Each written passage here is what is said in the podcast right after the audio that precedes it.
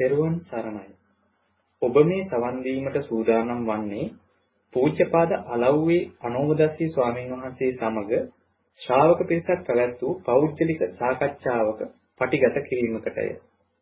මෙය පෞද්ගලිකව පැවැත් වූ සාකච්ඡාවක් වුවද එහි සාකච්ඡා වන ධර්ම කරුණු ධර්මයේ සොයන බොහෝ දෙනාට ප්‍රයෝජනවත් වේ යන අදහසින් අන්තර්ජාලයට මුදා හැරෙන.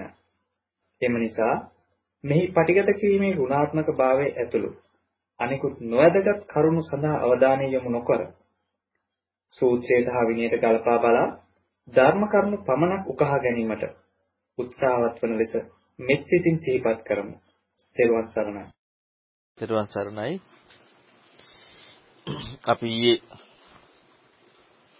කේමක සූත්‍රය කතා කරා මම හිතන්නේ ගොඩක් ගැඹුරින් කතා කරා ඒකේ තියෙන කාරණු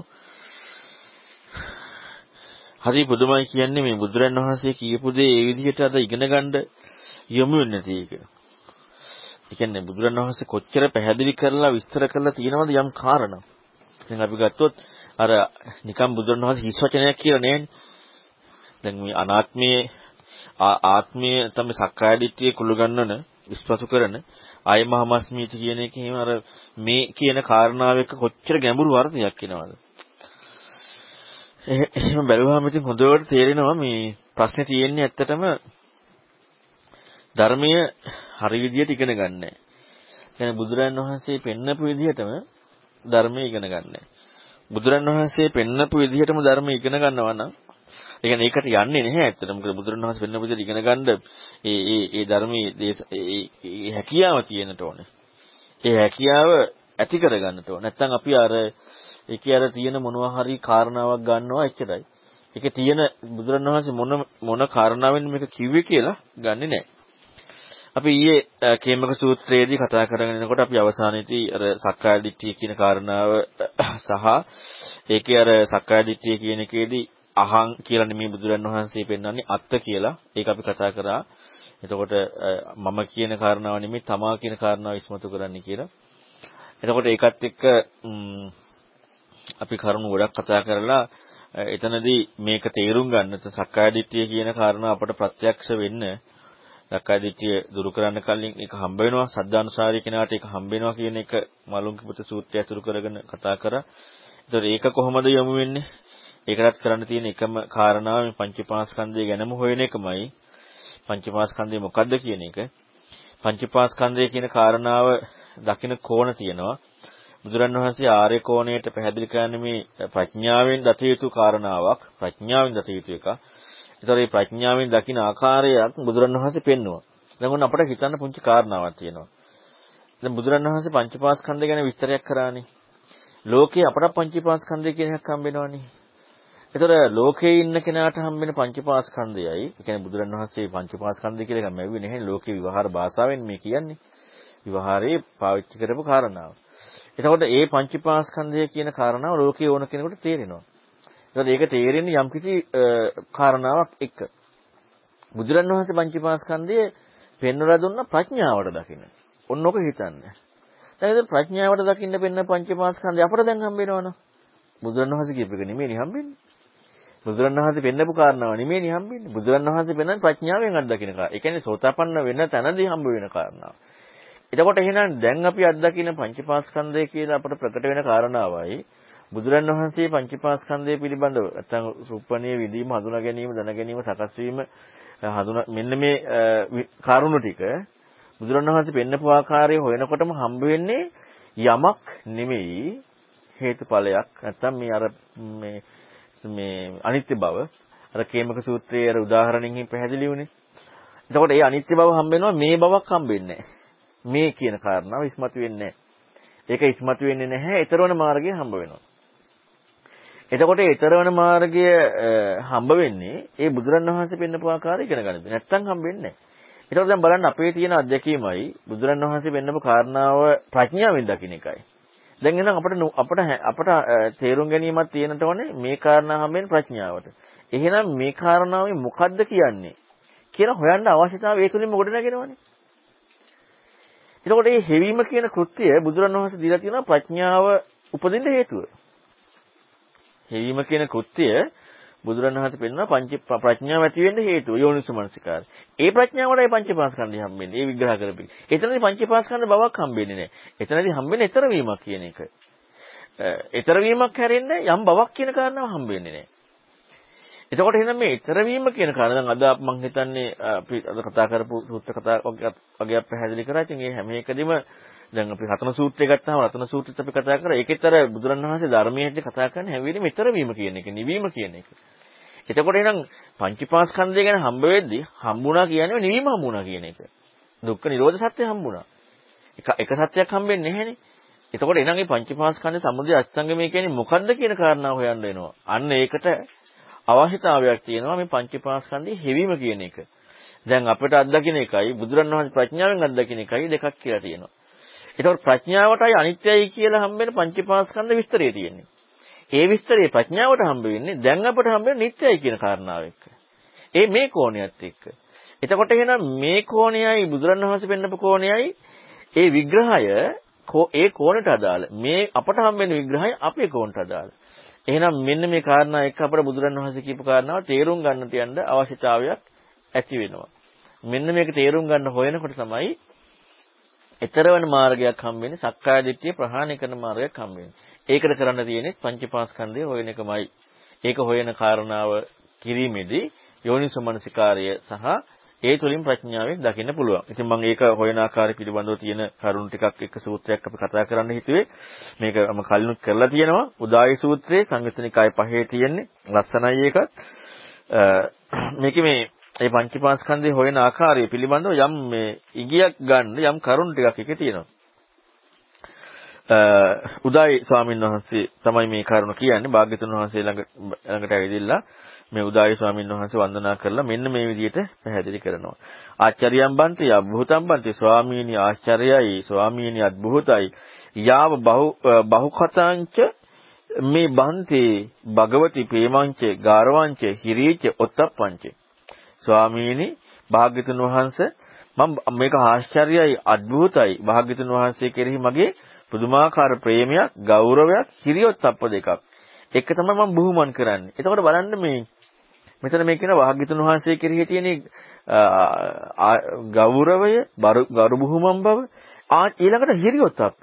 බලන්න අර හිරියොත් අප්ප කියන්නේ කියන්නේ කොච්චර ශ්‍රේෂ්ඨ බවක් එක්ක අර මේ ලැජ්ජා බය කියන එක බුදුරන් වහන්සේ ඉදිරියේදී ඒ ඒක හරි අසාමාන්‍යයි ඒ කාරණා. ඒ කියන්නේ එච්චරට එහෙනම් දැන් අපිට ලැජ්ජා බයක් කියන කාරණා එනකොට බුදුරණවහන්සේ අභිබව යන්න බෑනේ. එහෙනම් බුදුරණවහන්සේ කියපු කාරණාවම කරන්න ඉපේ. ඒ ලැජ්ජා බය කියන කාරණාව කියනකොට. ඒක කරන්න නැති වුනහම ලැජ්ජා බය කියන කාරණාව නැහැ. ඒකයි මේ අපට හිත හිතමනාපේ දේවල් මේ ධර්මයේ හැටියට ගන්න අපට තේරෙන කාරණා. බුදුරණවහන්සේ කරේ ගෞරවයනේ. ඒ ලැජ්ජා බයනේ. අහං ඉබන්තේ පුබ්බේ අගාරක බුහතෝ සමානෝ බහුකත බහු අබහුකතෝ අහෝසින් ධම්මේන අබහුකතෝ සංගේන ස්වාමීනි මම ඉස්සර ගිහි කාලේ ගෙදර ඉන්නකොට මේ බුදුරජාණන් වහන්සේගේ කියන්නේ ධර්මයට මම ගරු බුහුමන් දැක්ුවේ නැහැ සංඝයාට ගරු බුහුමන් දැක්ුවේ නැහැ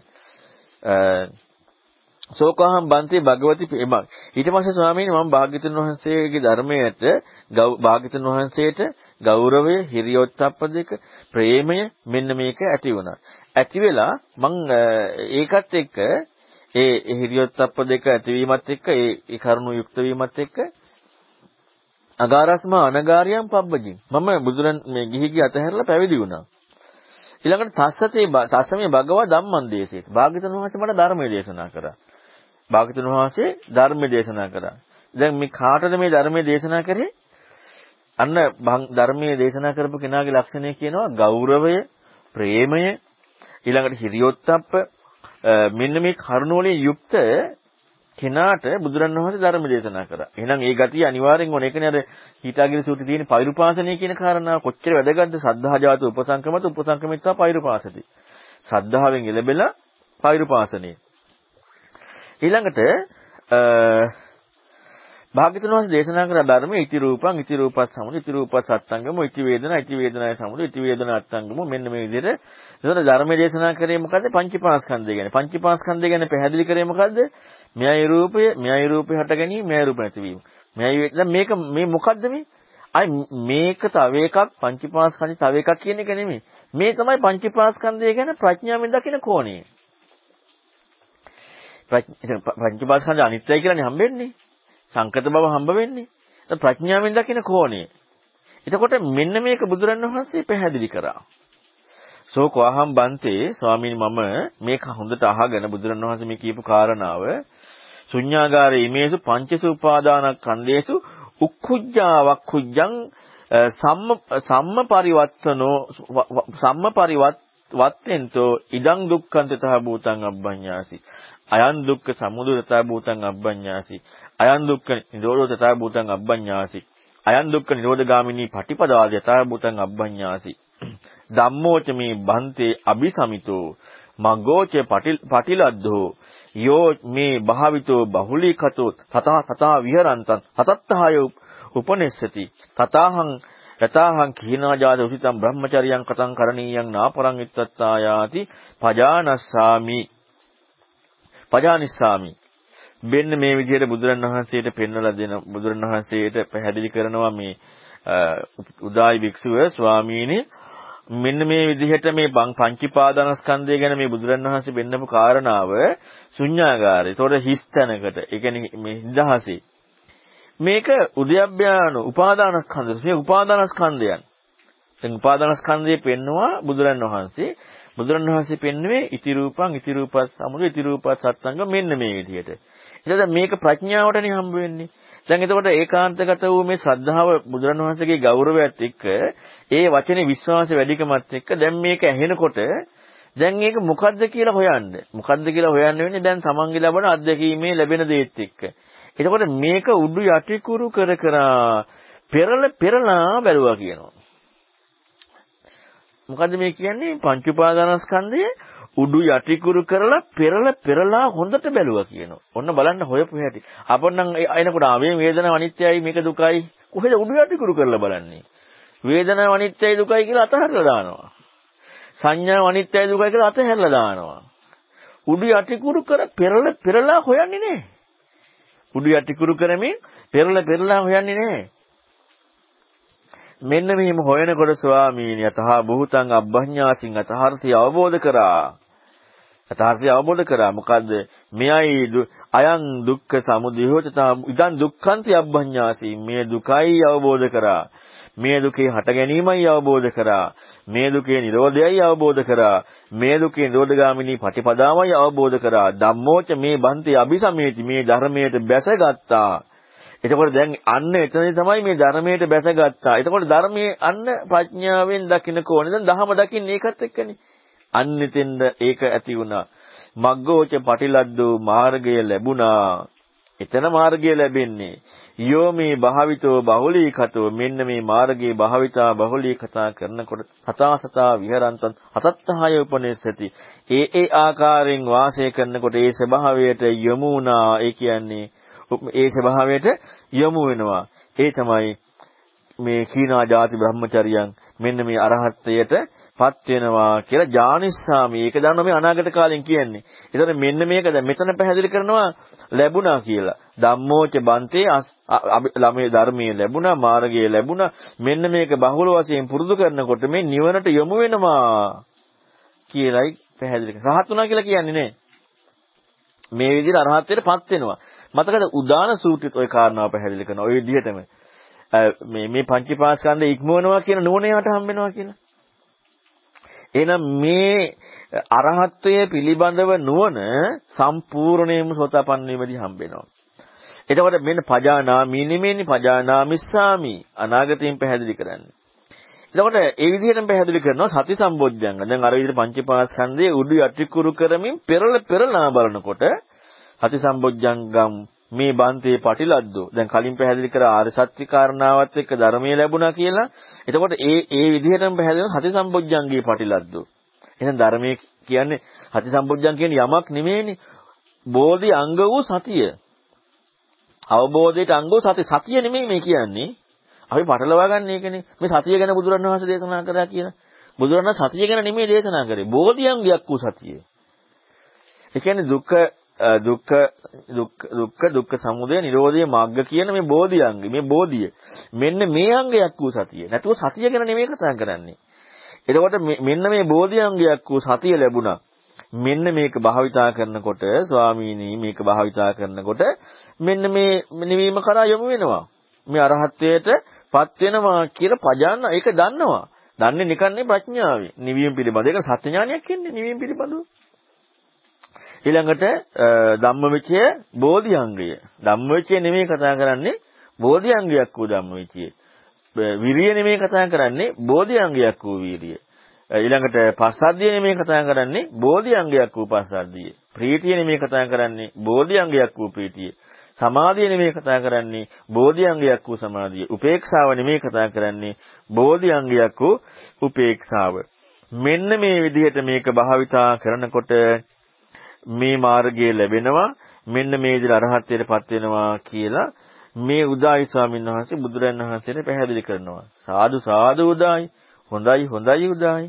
ඒසෝ හිතේ උදායි මා කොහොමමයි උදායි මාර්ගය ලැබෙන්නේ යෝතේ භාවිතව බහුලීකතෝ හතා හතා විහරන්ත ඔහොම භාවිතා බහුලීකත කරනකොට තමයි ඔය අරහත්ත්වය සාක්ෂාත් වෙන්නේ කියලා අනාගත කාලයේම බුදුරන් වහන්සේ කර්තෘත්වය නැතුව පඨම විභක්තියෙන් පැහැදිලි කරනවා. ඒක බුදුරන් වහන්සේට දැනගන්නවා කියන කාරණා කතා කරන්න දෙයක් නැහැනේ උදායි ස්වාමීන් වහන්සේනේ. උත්තම පුරුෂයන් කතා කරේ. අතන කර්තෘත්වය උත්තම පුරුෂයන් තොරව පඨම පුරුෂයන් පජා පජා නිස්සා පජා නිස්ස සීති කියලා බුදුරණවහන්සේ ඒ උදායි ස්වාමීන් වහන්සේ කියලා දුන්න කාරණාව අනුමත කරනවා. එතකොට එහෙනම් බලන්න මේකේ මම මේක ගත්තේ විශේෂයෙන් මේකේ වැදගත්ම කාරණාව තමයි බුදුරජාණන් වහන්සේ කෙරෙහි තිබුණා වූ ඒ නොසෙල්වන නැත්නම් ඒ ප්‍රේමය ආදරය විශ්වාසය ඊළඟට මේ හිරියොතප්ප මෙන්න මේ කාරණා මුල් කරගෙන බුදුරණවහන්සේ පංචපාස්කන්ධේ පංච උපාදානස්කන්ධය කියලා යමක් නෙමෙයි. කොතනකවත් බුදුරණවහන්සේ පංච උපාදානස්කන්ධයේ ඒකාන්ත කරලා කතා කරන්නේ නැහැනේ. එක්ක හොයන්න කියනවා. එක්ක සමුදය අස්තංගමයේ කියනවා. පංචපාස්කන්ධයේ දෙයක් නෙමෙයි කතා කරන්නේ. එතකොට දැන් උදාහරණටිට පැහැදිලි කරනකොට පංචපාස්කන්ධය පැහැදිලි කරපු හැම එකම පෙන්වලා තියෙන්නේ ඔය කාරණාව. ඔය ඔය පංචපාස්කන්ධය කියලා පෙන්වන කාරණාවෙදී ඊතර වීම කුළු ගන්නලා තියෙන්නේ. එතකොට මෙන්න මේ ඊතර වීම හම්බෙන විදිහට බුදුරජාන් වහන්සේ මේ පංචපාස්කන්ධය ගැන කතා කරා. පෙන්වලා දුන්නා. පැහැදිලි කරා. මෙන්න මේක පැහැදිලි කරාට පස්සේ මේ උදායි ස්වාමීන් වහන්සේ කියනවා ස්වාමීනි මම මේ කාරණාව පැහැදිලි කරාට පස්සේ මම මේක හොයන්න පටන් කොහොමද හෙව්වේ? උඩු යටිකුරු කර කර පෙරල පෙරලා බැලුවා. එතකොට දැන් මේ මොකද්ද මේ කියන්නේ? දැන් උඩු යටිකුරු කරලා පෙරලා පෙරලා බලනවා කියනකොට මේ හෙවිල් හම්බවිල්ලක් නෙමෙයි හෙවිල්ලක්. හම්බවිල්ලක් නෙමෙයි හෙවිල්ලක්. හම්බ වෙන්නේ අපේ අත්දැකීමෙන් අපට ලැබෙන දෙයක්. මගේ කෝණෙට. බුදුරන් වහන්සේ පෙන්වනවා ප්‍රඥාවට හම්බ වෙන කාරණාව. ඊතර වීමක් හැටියට. ප්‍රඥාවට ඊතර වෙන බව, ඊතර වීම කුළු ගැන්වෙන විදිහට පංචීපාස්කන්ධය පැහැදිලි කරනවා. එතකොට දැන් මට හම්බ වෙනවා මගේ කෝණෙට. එතකොට මේ මට හම්බෙන කෝණේ මොකද්ද මේ බුදුරන් වහන්සේ පෙන්වා දෙන්නේ මේ විදිහට කියලා හම්බ වෙන කාරණාව බුදුරන් වහන්සේ කියපු කාරණාව ගැන ඒකාන්තගත පැහැදිලි මුල් කරගෙන පෙරල පෙරලා උඩු යටි කුරු කර කර හොයන්න පටන් ගත්තා. මේක නැති කරන්න බැලුවේ නෑ. ඔන්න සංස්කාරයක්, ඔන්න වේදනාවක්, ඔන්න සංඥාවක්. දැන් අපට ඔන්න කියලා හම්බෙලානේ. මේකයි කියලා හම්බ ඉතින් මේ ප්‍රඥාවට හම්බෙන කාරණාව හම්බෙලානේ. එතකොට නම් ප්‍රඥාවට හම්බෙන කාරණාව නෙමෙයිනි හම්බුනේ.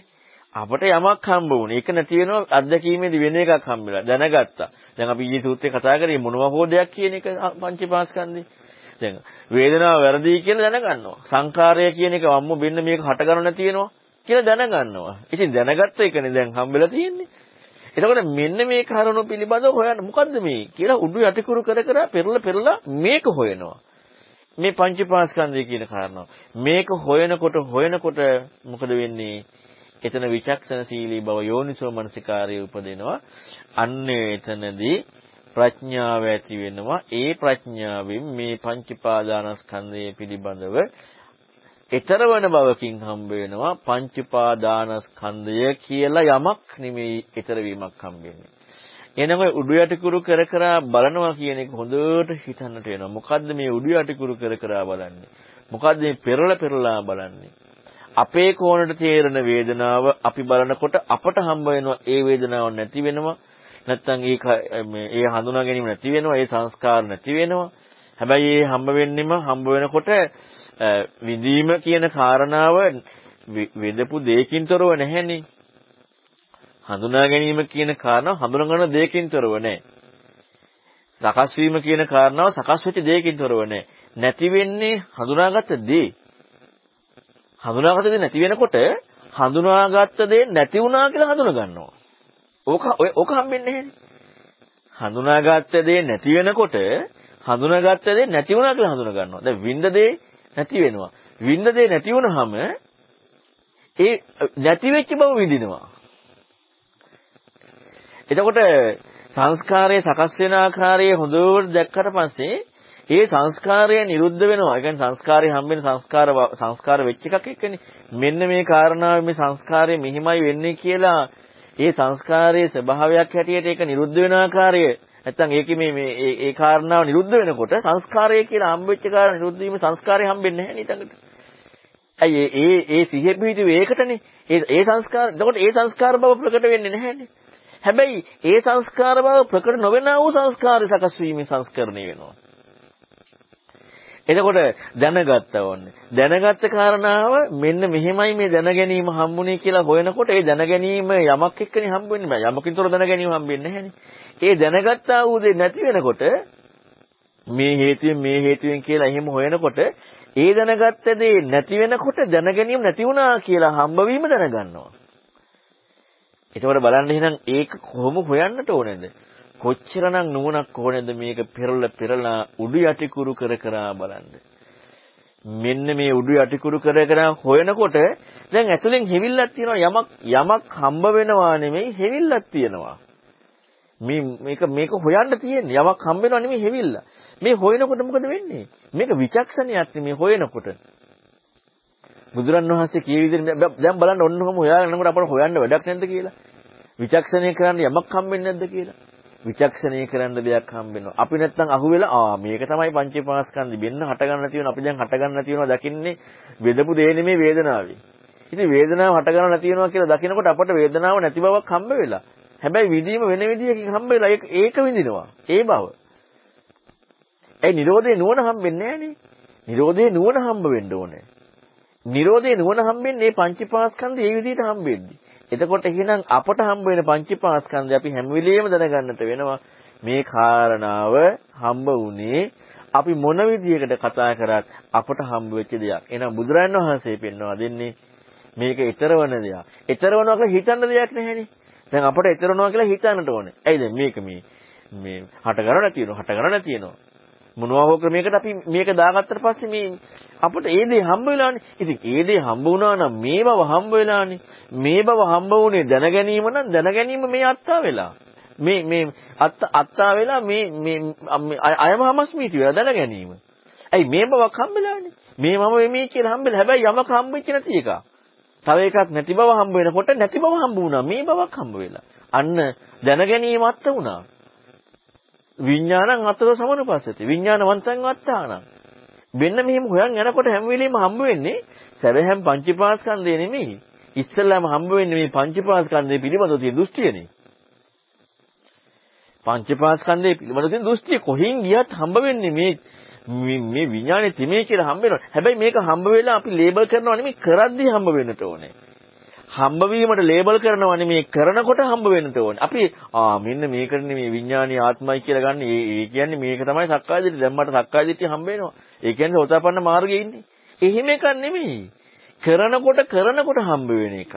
කොහෙන් කරගෙන ගියත් හම්බ වෙනවා විඥානං අත්තව සමනපස්සති. විඥානවන්තං ආත්තාන.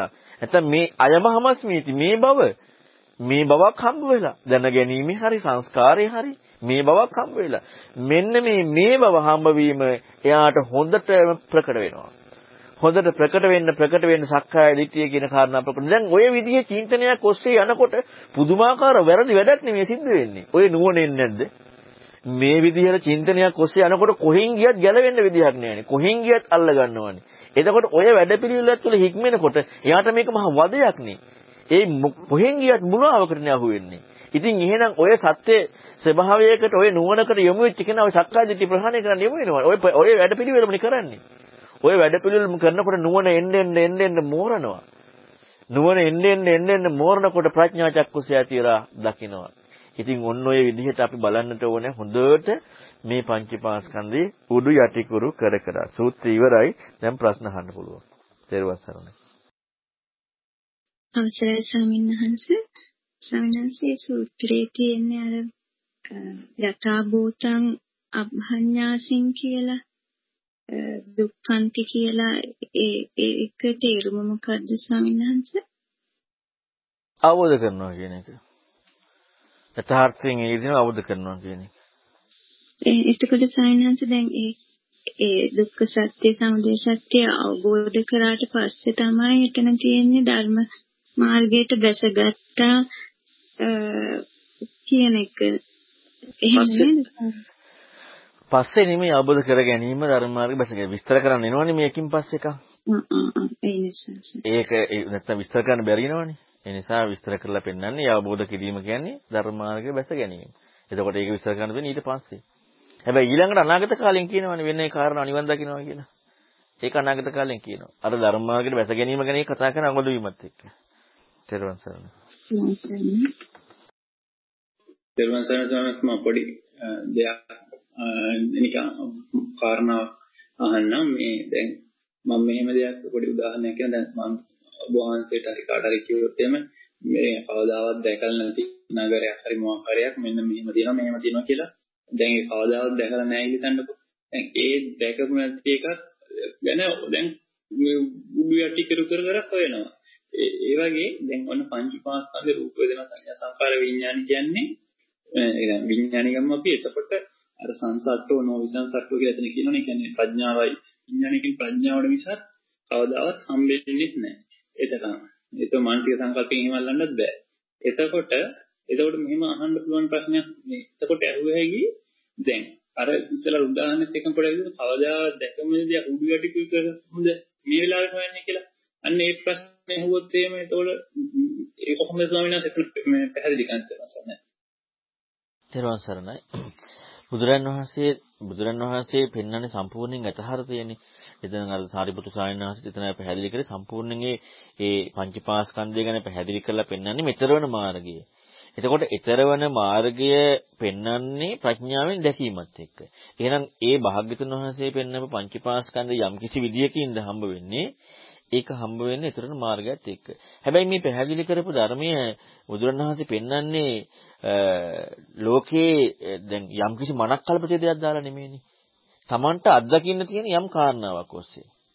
එතකොට තමන්ගේ කෝණයට යමක් හම්බ වෙනවා. තමන්ගේ කෝණයට යමක්. ඒකනේ අරූප සමාධියට වේදනා සංඥා සංකාර විඥානයි කියලා. මේ අරූප සමාධිය වඩන කෙනා රූපේ ඉක්මවීම කියලා. යාම දන්නවනේ රූපේ ඉක්මවීම කියලා. ඊළඟට දැන් ওই පංචපාස්කන්ධය ගැන පිළිබඳව ඒ ඒ අය ප්‍රශ්න කරනවනේ. ඒ කියන්නේ එච්චර හොයාගෙන යනවනේ. එතකොට එහෙනම් ඒ අයට හම්බ වෙනවා පංචපාස්කන්ධය කියලා කාරණාව. ඒ කියන්නේ ලෝකයේ ඇත්තම අත්දැකීම් පංචපාස්කන්ධය. හැබැයි මේ පංචපාස්කන්ධය කියන කාරණාව හම්බෙච්ච ක්‍රමය වැරදි. බුදුරණවහන්සේ මේක වෙනම ක්‍රමයකට පැහැදිලි කරනවා. එතකොට දැන් අපට හම්බුන එක වැරදිනේ. වැරදි බව වැරදි බව බුදුරණවහන්සේ පෙන්නපු කාරණාව එක හම්බ වෙනවා. දැන් එහෙනම් මේකේ වැරද්ද මොකද්ද? ඒ කියන්නේ මේ මොකද්ද මේ කියන්නේ? හැබැයි දැන් අපට ලැබිච්ච අත්දැකීම. මේ දැන් අපට ලැබිච්ච අත්දැකීම මේ හොයන්නේ. හැබැයි මේක වැරදි. දැන් අපි මේක හරිය කියලා හොයන්නේ යන්නේ. ඒකනේ අපි ඒකේ සමුදයක් ඒකේ සමුදයක් හොයන්න යනවා මිසක් අපි සමුදේ වෙන හැටි නෙමෙයි හොයන්නේ. ඒකේ සමුදයක්. ඒතකොට ඒකේ සමුදයක් හොයනවා කියන්නේ අපි තියනවා කියලා මාරගන්නේ. එහෙනම් මේක මොකද්ද කියලා හොයනකොට සමුදේ වෙන හැටි හම්බෙනවා. ඒක ප්‍රඥාවට හම්බෙන්නේ. ඒ මේක මොකද්ද කියලා උඩු යටි කිරු කර කර හොයලා බලනකොට සමුදේ වෙන හැටි හම්බෙන ප්‍රඥාවට. මේක මොකද්ද කියලා හොයන්න ගියාම හම්බ වෙන්නේ තියෙන දෙයක්මයි. එතකොට අපට අපේ අත්දැකීමේ හම්බෙන්නේ ඒක නිත්‍යයි කියන පදනමනේ තියෙන්නේ. අනත් අනිත්‍ය නෙමෙයි නිට්ටයයි.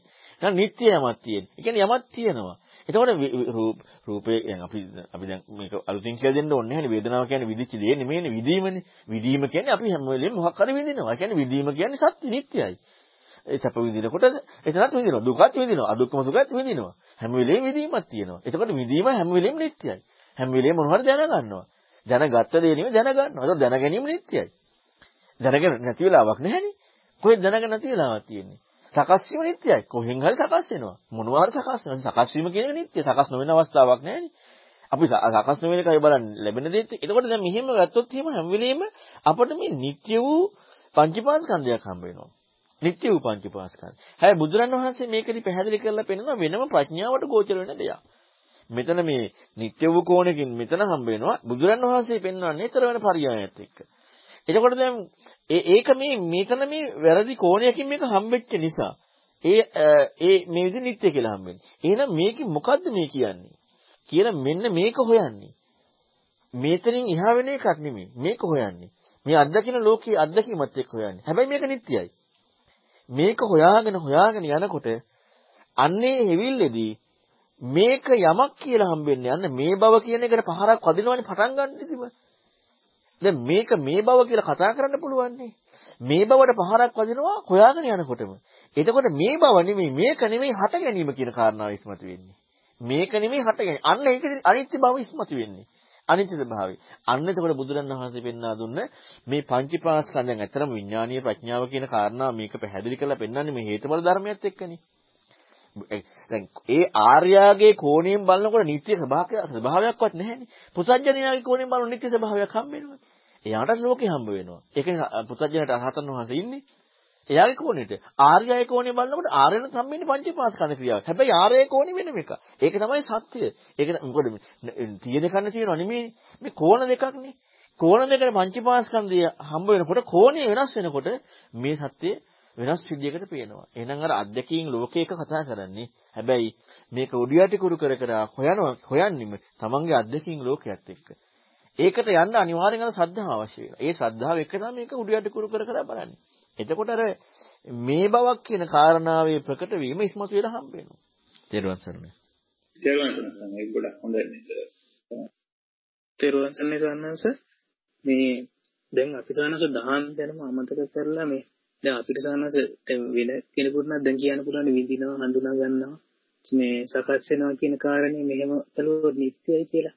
ඒ නිත්‍යයි කියන එක හැබැයි සන්නස එතනින් එහාට ඕක මේ අනිත්‍ය බවට යන්න සානස අර දැනුම කියන එක බුදුරාණන්සේගේ ධර්මයේ එතෙන්ද නේද ඕනේ ඉන්නේ කියන්නේ දැන් හඳුනා ගැනීම ඔය වෙනකොට සානස ස්පර්ශයෙන් හඳුනා ගන්නවා කියන කාරණේ දන්නේ නැතුව එතනින් එහාට හම් ඒ කියන්නේ හට ගැනීමක් හම්බෙන්නේ නෑ නේද සානස තෙරුවන් තෙරුවන් සරණයි. ඔව් එතන තමයි ඒකයි මම අර හැම වෙලෙම කියන්නේ මේක අපි ඉගෙන ගන්න කොච්චර වැදගත්ද මෙන්න මේ හැවීමට. එතකොට දැන් මේ හැවීමට බුදුරණවහන්සේ කියපු දැන් බලන්න ඒ එතන ඒ කියපු කාරණාවස්සෙදිම බුදුරණවහන්සේ කියපු තැනට යනකොට ඒකට යොමු වෙනකොට Tamanට අත්දැකීමට පහරක් නෙවදින්නේ. හොයන්න පටන් ගන්න තැනම අත්දැකීමට පහරක් වදින්න පටන් ගන්නවා.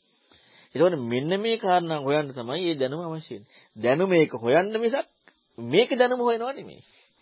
දැන් අත්දැකීම දැනුම හොයනවා නෙමෙයි දැනුම ගලපනවා නෙමෙයි දැනුම හේතු වෙන්නේ අත්දැකීමෙන් ලැබි අත්දැකීමේ සත්‍ය හොයලා ඉතර වීමට ධර්මයේ නෙමෙයිනේ සාරේ විමුක්තියනේ ධර්මයේ හම්බ වෙන්නේ අන්න ඒකට ඉතින් බලන්න මෙන්න මේ කෝණ දෙක පටලවා ගැනීමයි ලෝකෙ සිද්ධ වෙන්නේ මම අර ඉදත්තර ડોક્ટર විජයරත්න මහ ප්‍රශ්නෙකට ලස්සනට පැහැදිලි කරලා පෙන්නුවේ මේ මේ ලෝකේ අපට ධර්මයට යන්න තියෙන කෝණයක් තියෙන්නේ ගියාට පස්සේ හම්බෙන්නේ ඊතර වීම. ඊතර වීමක් හමු වුණාට පස්සේ අහපව මොකටද අනිත් පැත්තට එන්නේ? ඊතර ඉතින් ඊතර වුණාට පස්සේ මොකද්ද කතා කරන්න තියෙන්නේ? ඊතර වෙන ධර්ම මාර්ගය. ඒතකොට ඊතර වෙන ධර්ම මාර්ගයට යොමු වෙන දැනුම තියෙනවා. දැනුම තියෙන්නේ ඒතරට දාලා හම්බෙච්ච කාරණාව ගලපන්න නෙමෙයි. එහෙනම් අනිවාර්යෙන් යෝනිසම ඒතකොට බලන්න මේ කාරණාව මේ කියලා ඉවරන යෝනිසම මනසිකාර ධර්ම ධර්ම අවශ්‍යයි කියන එක. යෝනිසම මනසිකාර සද්ධර්ම ශ්‍රවණිය අවශ්‍යයි. ඒතකොට සද්ධර්ම ශ්‍රවණියෙන් යෝනිසම මනසිකාරයෙන් ඊතරන ප්‍රතිපදාව හම්බෙන්නේ. සද්ධර්ම ශ්‍රවණියෙන් යෝනිසම මනසිකාරයෙන් යමක් හම්බෙන්නේ නැහැ. විමුක්තිය විමුක්ති සාර සම්බේ ධම්ම වෙන්නේ ඒකනේ. එහෙනම් අනිවාර්යෙන් ඒක අවශ්‍යයි. තෙරුවන් සරණයි. තෙරුවන් සරණයි ස්වාමීන් වහන්සේ දැන් මේ දීනෝපම සූත්‍රයේ තියෙන ඒ උපමාව මම හිතන්නේ මෙතෙන් මේ මේක අපිට කල්පනා කරන්න හොඳ උපකාරයක් වෙනව නේද ස්වාමීන් වහන්සේ මේ විචක්ෂණය සඳහා. තෙරුවන් සරණයි. තෙරුවන් සරණයි. ඇත්තටම ඒක ලොකු උපකාරයක්. අපි හිමුණු තීනෝපම සූත්‍රයේ මේ හෙට සාකච්ඡා කරමු. හෙට ඒක ගමු මේ මේ සූත්‍රේ කරුණ ටිකත් එක්ක. මොකද ඒක ඒකත් ගොඩාක් හොඳයි ඒකේ තියෙන කරුණ ටික විනෝපම සූත්‍රය. තෙරුවන් සරණයි. තෙරුවන් සරණයි අද රත්න සූත්‍ර ආදී ආදී මට මෙහෙම හිතුණා. මේ සත්‍ය අනුභවයෙන් ඊළඟට දැන් මේ මේ කියන එකවත් තේරුම් ගන්න බැරි තත්ත්වයක් ඇවිල්ලාද මන්ද කියලා මට එන්නා දැන් දැන් අපි දන්නවා ඔය ඉන්දියාවේ මධ්‍ය දේශ ගැන සතිමත් බවින් අග්‍ර අය ඉන්න පැත්ත කියලා. එතකොට දැන් ඒගොල්ලන්ගේ සතිය ආදි දේවල් වලින් අග්‍ර අයනේ. එතකොට මේ ප්‍රායෝගිකත්වයට සම්පූර්ණ සිහියක් පිළිටවා ගන්න ශක්තියක් තියෙන අය. එතකොට දැන් යම අපි ශ්‍රද්ධාවකින්, රුචියකින්, අනුශෝයකින්, ආකාර පරිසක්කයකින්, දෘෂ්ටියකින් හොයන්න යන තැනම මේ මෙය ගැන නෙමෙයිනේ හොයන්නේ. දැන් එය ගැන වෙලා ඉවරනේ. දැන් ඇහෙන් දැක දැකීම කියන එක ගැන අර ඕන පහෙන් මොකකින් හරි යෙදෙන දැනකලින් එය බවට පත් වෙලා. ඒතර දැන් මේ කියන එකේ නිකන් සිහිය පිහිටෙව්වට එය බලින් ඒ කියන්නේ මේ මේ බලින් ඉක්මවන්නේ නැහැ දැන්. ඒතකොට මේ මෙය මේ බව මේ බව ඔයගෙන ඉත්ත බව හැම එකක්ම තව හේතුවක් මත තියෙන පදනම කල්පනා වලින් රුචි වලින් අංශ වලින් ඔන්නෝම ගලපීමකින් තොරව දකින්න පුළුවන් හැකියාවක් හැදුවොත් එහෙම දකින්න නැතිකමට නම් ඒක තියෙන්නේ ඒ දකින්නකොට ඒ බවින් වෙනවා නම් තවත් අලුතෙන් එකක් හම්බෙන්නේ නැත්නම් මොකද්ද කියලා ඉතින් එහෙම කරන්න ඒක වෙනම හැක් වෙන්න ඕනේ සම්මස්. තෙරවසන්න. ඇත්තට මේ ලස්සනයි විස්තරේ. ඒ කියන්නේ අනිවාර්යයෙන් වෙනම හැක්. දැන් දැන් ඇත්තටම අර කරුණු ඔක්කොම එක්ක බලන්නකො පදනම මේ සියල්ලම ගැනීමේ වටිනාකම තියෙන්නේ කොච්චර සුන්දරද වටිනාකම. එතකොට දැන් සතිමත් බවින් අග්ග මිනිස්සු ඉන්න මධ්‍ය දේශයේට මේක කතා කරන්නේ. එතකොට දැන් දැන් මේ බණ්ඩාර කිව්වා වගේ දැන් මේ බව කියන කාරණාව හොයාගෙන යනකොට ඒ බවකට යන්නේ මේ බව වෙන එකක් ඒ බවක් හම්බ වෙලා. අපි හිතමු ඔන්න විදීම ගැන හොයනවා. ආ මේ විදීම ප්‍රත්‍යක්ෂ විදිනවා කියමුකෝ. ආ මේ විදීම මෙහෙමයි කියලා හොයනකොට ඒක දැනගත්තා. දැන් දැනගත්ත මේ බව හඳුනගත් වින්ද ඒ බව. ඉතින් ඒ බව සමුදය හොයන්න දෙයක් නැහැනේ. මේ බව එන්නේ හොයන්න තියෙන්නේ. ඒ බවේ සමුදය හොයනවා මේ බවක් තියාගෙන. ආ ඒක හොයන්න යනකොට ආ ඒක ඒ වෙනවා වෙන එකක් මේ වෙනවා. මේක හොයන්න බෑ ඒක හොයන්න වෙනවා. ඒ බව. එය එය හොයන්න බෑ. එය කල්පනාවක්නේ. එය හොයන්න බෑ ඊට පස්සේ. ආයෙ වෙන එකක් මේ බව. ඉතින් කොහෙන් ගියත් මේ බව කියන කාරණා විස්තරයි මේ අහං අයං හමස්මීති. මේක මේ බව මම කියන එක හම්බ වෙලා ප්‍රත්‍යක්ෂයෙන්. ඒ එතෙන්ද ගිහිල්ලා ඒ බවයි හොයනවා ඊට පස්සේ. ඒ කියන කාරණාවේ.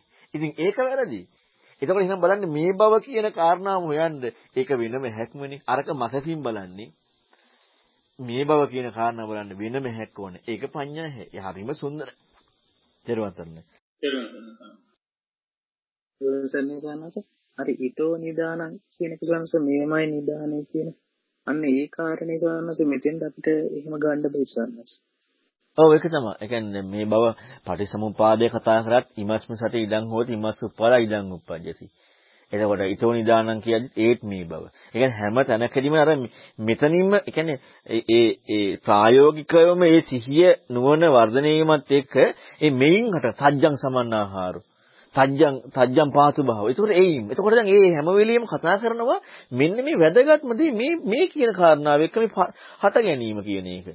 ඒකෝට මේ මෙතනින්ම හට ගන්නවා කියන එක. මේ ඇතිකල්ලි මේ වෙයි කියන කාරණාව. මෙතනදී අර ඒ සහ ඒ කියන කාරණාවට යොමු වෙන්නේ නැතිව සම්පූර්ණයෙන් ප්‍රත්‍යක්ෂයට යොමු වීම කතා කරනවා. එතකොට මේ ප්‍රත්‍යක්ෂයක යොමු වෙන්න බලන්න එහෙනම් ඒකට අනිවාර්යෙන් වෙනම හැක් ඕනේ. කල්පනා කරනවා කියනකොට කල්පනා කරන එකයි මේ බව කල්පනාව ලැබෙන එක ඒ බව. ඒක. මේක වෙන එක. ඉතින් මේ භවයේ ඉන්නවනේ මේ මේ මම ඉන්නවනේ. ඒ මම නෑ. ඒක මම නෑ කියලා හිතනවා. මේ මම ඉන්නවනේ. ඒක කල්පනා කරනකොට එතකොට ආයෙත් මේ මම ඉන්නවා ඒ මම නෑ. ආරිනියා එන්නේ නැහැනේ. එහෙනම් ඔය කල්පනා කිරීමේ ශක්තියටයි යෝනිසෝමනසිකාරය කිය උදා වෙන්නේ. ඒක හරියටම හම්බෙන්නට ඕනේ. අන්න ප්‍රඥාව ඇහැට මේ ඒ මේ බව මේම හටගන්න එක. හිතීම නැතුව ඒ ඇහැටයි හම්බෙන්නේ. එහෙනම් ඒ ඇහැ තුලින් ඒක හරියටම දකින්න තියෙන්නේ. එහෙනම් ඒකට අර උඩු යටි කුරු කර කර බලනවා කියන කාරණාව හොඳටම වැදගත් වෙනවා. තෙරුවන් සරණයි. එතන සාන්නසාකයෙන් හාන්ඩේටීකට උපවාසය දැන් කිව්වා උත්තරේ ඒක අර දැන් හොයනකොට හම්බෙනවා කියන එක කු වැදගත් නේ එතන මේ ඔය ගොඩක් වෙලාවට අපිට අර මේ හොයනකොට හොයන විදිහ කියන එක හරියට මේ හම්බෙන්නේ නැති ප්‍රශ්න ගොඩක් තියෙනවානේ. ඒක දැන් අර ඔතන පෙන්නපු විදිහට අර උඩු යටු කුරකට බලනවා කියන්නේ හැම හැම පැත්තෙම ඒක බලනකොට ඒ හම්බෙන්න කෝණේ හම්බෙන්න තියෙන මේ හම්බ වෙන අවස්ථාවක් එනවා. ඉතින් ඒ ඒකෙන් ඒ උදාහරණයෙන් ඒ අර හොයනකොට හම්බෙන්න ඕනේ කියන අර්ථය මතුණා කියලා මේ උපනසේකට උත්තරේ කිව්වා මට මතක් වුණේ කිව්වේ මේ ගොඩක් වෙලාවට අයට මේ හොයන විදිහ කියන එක මොකක් හරි හොයනවා කිව්වට ඒක හරියටම මේ ඔළුවට යන්නේ වගේ අපිට ඒක ගැන තව විස්තර ගන්න පුළුවන් නම් හොඳයි තේරුවත් තේරුවන් සන්න. ඇතර දැන් සත්‍ය ගවේෂී කියන වචනේ හැම එකම තියෙනවනේ හොයනවා. ඒ කියන්නේ අද තියෙන හොයනවා නෙමෙයි ලැබපු දේ බලන්න යන්නේ. ඒ කියන්නේ අර යෝනිසෝ මනසිකාරයේ විචක්ෂණශීලී බවට ඉඩ නැතුව හැම වෙලෙම හොයන කාරණා නැතුව ලැබපු දේ තුල ආ මේ මේකනේ සංකාර මේකනේ විඥාන මේකනේ නාම රූප. ඉතින් ඒක ඒක ඒක අපි එතන අපි වචනකින් මේ කියලා නොදැම්මට අපට මේ බවක් ඒ කියන්නේ ආ මේක විඥානේ. මේක විඥානේ කියන විඥානේ තියෙනවනේ. නිට්ටයයිනේ. මේ සංස්කාර ඒ සංස්කාරය හට ගන්න නැති වෙනවා. මේ විඥානේ හට ගන්න නැති වෙනවා. හැබැයි විඥානේ තියෙනවනේ. එතකොට දැන් එහෙනම් මේක මේ හැම වෙලෙම අපි හොඳවට සියුම් බැලුවොත් ඔන්න ඔය නිට්ටයයි කියන කාරණාව හොඳට ප්‍රකට වෙලා හම්බෙන්න ගත්තොත් බුදුරන් වහන්සේ කෙරේ සද්ධාවෙන් මෙස ගන්න කාරණාවට යමු වෙනවා. හැබැයි මේකට අපි හොඳට හොයන්නට ඕනේ අත්දැකීමත් එක්ක. අත්දැකීමත් එක්ක හොයන්න ගවේෂණය කරනවා කියන කාරණාව. මෙන්න මේකට යමු වෙන්නට ඕනේ. ඒකට යමු වෙනකොටයි ඒ ප්‍රඥාවෙන් ඒ උදා වෙච්ච ප්‍රඥාවෙන් දකින්න පුළුවන්කමක් ලැබෙන්නේ. ඇත්තටම අර අපි හොයනකොට හැම වෙලෙම මේ මේ භවෙන් අන්‍ය භවට හැම වෙලෙම තියෙන්නේ ඒක. අපි හැබැයි අපට අපට හම්බ වෙන්නේ නැහැනේ එහෙම එකක්. ඇයි අපිට මේ අපිට එහෙම වෙන්නේ? ආ මේ තමයි හේතුඵල මේ සංස්කාර ස්වභාවය මේ විඥාන ස්වභාවය මේක නාම රූපේ ස්වභාවය කියලා අපිට අත්දැකීම් ලෝකේ තියෙන්නේ. අත්දැකීම් ලෝකේ තියෙන්නේ ඒක. දැන් අපි ඔන්න හඳුන ගන්න දේ වැරදි කියලා දැනගන්න දේ දැන ගැනීම වැරදි කියලා මේව අපි දැනගත දේ එක්ක යන්නේ නැතුව දැන ගැනීම වැරදි. එහෙනම් මේ දැන ගැනීම මොකද්ද කියලා හොයනකොට අපිට දැන් දැන ගැනීම මොකද්ද කියලා හොයන එකනේ දැන ගැනීම කියන්නේ. එතකොට දැනගත්ත දේ තමයි දැන ගැනීම වැරදි කියන එක. දැනගත්ත දැන ගැනීම කියන්නේ දැන ගැනීම වැරදි කියලා දැන ගැනීම. හැම වෙලෙම මේ භවෙන් අන්‍ය භවට යනවා. එහෙනම් ඔන්න ඔය කාරණාව හරියටම මේ සිහිය වැඩි වෙලා හොඳට ප්‍රකට වුණාම මොකද වෙන්නේ? යෝනිසෝ මනසිකාරයක් හැරෙන්න වෙන එකක් උපදින්න විදිහක් නැහැ. ඒ යෝනිසෝ මනසිකාරය හොඳට හොඳට යෝනිසෝ මනසිකාරයට ඉඩ ආවට පස්සේ අර සද්ධානුසාරී කියන්නේ මේ ඇත්තටම අනිත්‍යයි කියලා සද්ධායෙන් බැස ගැනීමට යොමු වෙනවා. ඒක ඒක විනිවිද හම්බෙන්නට ඕනේ. ඒක ප්‍රඥාවක් යම් අංශ මාත්‍රයක් හම්බ වෙද්දි. හැබැයි ඒක හම්බ වෙනවා කියන්නේ හොයන එක නතර වෙනව නෙමෙයි. හොයන එක උපරිමයට යනවා. හැබැයි හරි දේ හම්බෙලා නැහැ. සද්ධා අදිමුච්චේදනේ. අර ධම්මනිච්ඡානක්ඛන්තේ අනුලෝමකන්තේ හරි දේ හම්බෙලා නැහැ. දැන් එතකොට එයාට හරි දේ හම්බුනේ නැති නිසා හෙවීම කියන කෘත්‍ය ආයේ තල්ලු කරන්න දෙයක් නැහැ හොයපන් කියලා. එයාට හොයන්නමයි තියෙන්නේ. ඇයි අරේ අරේ බුදුරණවහන්සේ පෙන්නපු සත්‍යයක් තියෙනවනේ. ඉතින් ඒක හොයනකම් ඉස්සෙල්ලක් නැහැ. ඒකම හොයනවා. යෝනිසෝ මනසිකාරයෙන්ම කරනවා. ප්‍රඥාවේ අම්බච්ච දවසේදී මේ බව කියන කාරණාවේ සත්‍යය ආකාරයෙන් දැක්කම මේ භවයේ වැරද්ද හම්බ වෙනවා. ඒක වැරද්ද හම්බ වෙනකොට අන්න පඤ්ඤාවෙන් දකිනවා. ඒ බවකට යන්නේ නැහැ. ඒ බවකින් මේ බවකින් ආ ඒ බවක් එකට යොමු වෙන්නේ ඊතර වෙනවා. ආය නම් කිරීමකට යන්නේ නැහැ. ත්‍රිවන් සරණයි. ඊළඟ සම්මත කවියන් සමගතාව මතක් දැන් ඇත්තටම මේ හොයාගෙන යන ගමනේදී ඒ අර හැමදේම බුදුරජාණන් වහන්සේ කියලා තියෙනනේ අවිද්‍යාව නිසා මේ සියලු දේ මේක කියලා. අන්නේ කරුණ මේ අපි ශ්‍රද්ධාවෙන් හෝ අපිට තේරෙන්නේ නැත්නම් ශ්‍රද්ධාවෙන් හෝ හිත ඉදිරියෙන් තියාගෙන අපි හැම විටම හොයනවා නම් ඒකට ගොඩක් උදව් වෙනවා නේද කියලා හිතනවා තේරුවන් සන්නේ. ඔව් ඇත්තට මේක උපකාර වෙනවා. මොකද හැම වෙලෙම දැන් ඒකනේ දැන් කල්යාණ මිත්‍රයන්ගේ උපකාරය ඒව ඔක්කොම වැදගත් වෙන්නේ අර මේ කරුණ නැවත නැවත පෙන්වන්න. ඒකනේ ඉවර වෙච්ච මේ හැඟවෙච්ච දේ ඉවර කරලා පෙන්වනවා කියන්නේ. අපිට තියෙන හැම වෙලෙම ඔය ඔය මානසිකත්වය එනවා අඩුයි. අපි හැම වෙලෙම කරන්නේ මොකක් හරි දෙයක් හරි දේ හම්බුණා. ඉතින් හරි දෙයක් නැහැනේ. සංකාරය සංකාරය කියන්නේ අවිද්‍යාව හටගත්තේ. හරි සංස්කාරය හම්බුණා. මෙන්න හරි සංස්කාරය මෙන්න මෙහෙමයි මේ සංස්කාරය තියෙන්නේ. ඒක විවහාර කරන්න බෑ හරි සංස්කාරය කියලා. විවහාර වුණා නම් විවහාරුනේ හරි සංස්කාරය. ඒතරින් හම්බෙලා නෑනේ. වේදනාව විවහාර වුණා නම් හරි දේ විවහාර කරේ. වැරදි දෙයක් නම් ආයේ ඒතර වුණානේ. යමක් කියලා අර ගොම පිටක ගොම පින්ඩූප සූත්‍රය පෙන්නන ගොම පිටක තරම් හරයක් නැහැ කියලා. ඉතින් මේ යමක් කතා කරන්න පුළුවන් මේ බවක් එක්ක. ඒක හම්බෙච්ච ගම ඒක විද්‍යාවෙන් තියෙන අපි ලේබල් කරන අවිද්‍යාවෙන් කියලා. ඇයි මේ ඇත්තනේ හම්බුනේ? සංස්කාරය හරියම ස්වභාවය හම්බුණානේ. ඇත්තනේ. ඉතින් ඇත්තනම් ඒක විද්‍යාවෙන් තියෙන්නේ. ඔන්න ඔය කරුණු අපි හැම එකක්ම ඒ විදිහට හොඳට හිත හිතා ඉස්සරහට යනකොට මම ඊතර වෙන්නේ නැහැ. මම ඊතර වෙනවා නම් ඉතින් මං ඉන්නවනේ. ඊතර වෙනවා, ඊතර වීම. ඒකයි මේක මේ ශුන්්‍යතා ප්‍රතිසංයුක්ත කියන්නේ. තමා කියන කාරණාවෙන් හිස් බව හම්බෙන දහමක් අසාමාන්‍ය දහමක්. ඒකයි මේක මේ ගැඹුරු ධර්මය අහන්න කන් යොමු වෙන්නේ කියන්නේ. ගැඹුරු ධර්මය එනකොට අමාරුයි. මොන ගැඹුරු ධම්මේද? ශුන්්‍යතා ප්‍රතිබද්ධ. මේ මොකක්වත් හිස් කියන එක නෙමෙයි. අත්හිස් බව. අත්හිස් තමා හිස්. මේ බව හිස්. මේ බව හිස් නම් ආ හිස් බවක් හම්බෙන්නේ නෑනේ. හිස් බවක් හම්බෙනවා නම් ඒක හිස් වෙලා නෑනේ. මේ බව හිස් කියන එකයි. ඉතින් ඔන්න ඔය කාරණාව ප්‍රකට වෙන්න කොච්චර නුවණක් ඕනේද? තෙරුවන් සරණයි. තෙරුවන් සරණයි මේ ඊයේ සාකච්ඡාවේ රෙකෝඩින්ග් එක හද්දී මේ වහන්සේ එක තැනක විස්තර කරනවා අනිච්ච සම්පස්සමානය ගැන විග්‍රහයක්. ඒක මම මේ ගත්ත විදිහ වැරදි නම් පොඩ්ඩක් එකක් නිවැරදි කරන්න සාංශ මේ ඒකේ වහන්සේ ඉස්සර ගන්න අනිත්‍ය ප්‍රඥාවෙන් දැකීමයි අනිච්ච සම්පස්සමානය කියන්නේ දෙකක් කියලා. අනිච්ච සම්පස්සමානය ප්‍රායෝගිකව හමු වෙන්න ඕන කියලා කියනවා. ඊට අමතරව ඒක කල්පනාවක් නෙමෙයි කියලා කියනවා. පොඩ්ඩක් සයන්ස මේ ඒ ඒ කාරණාව අද පරයත් එක්කත් ගලපලා පොඩ්ඩක් විස්තර කරලා දෙන්න පුළුවන්. ඒත්තව තෙරුවන් සරණයි. තෙරුවන් සරණයි. ඇත්තටම දැන් අනිත්‍ය කල්පනාවක් කියනකොට අපි හිතමු මෙන්න මෙහෙම.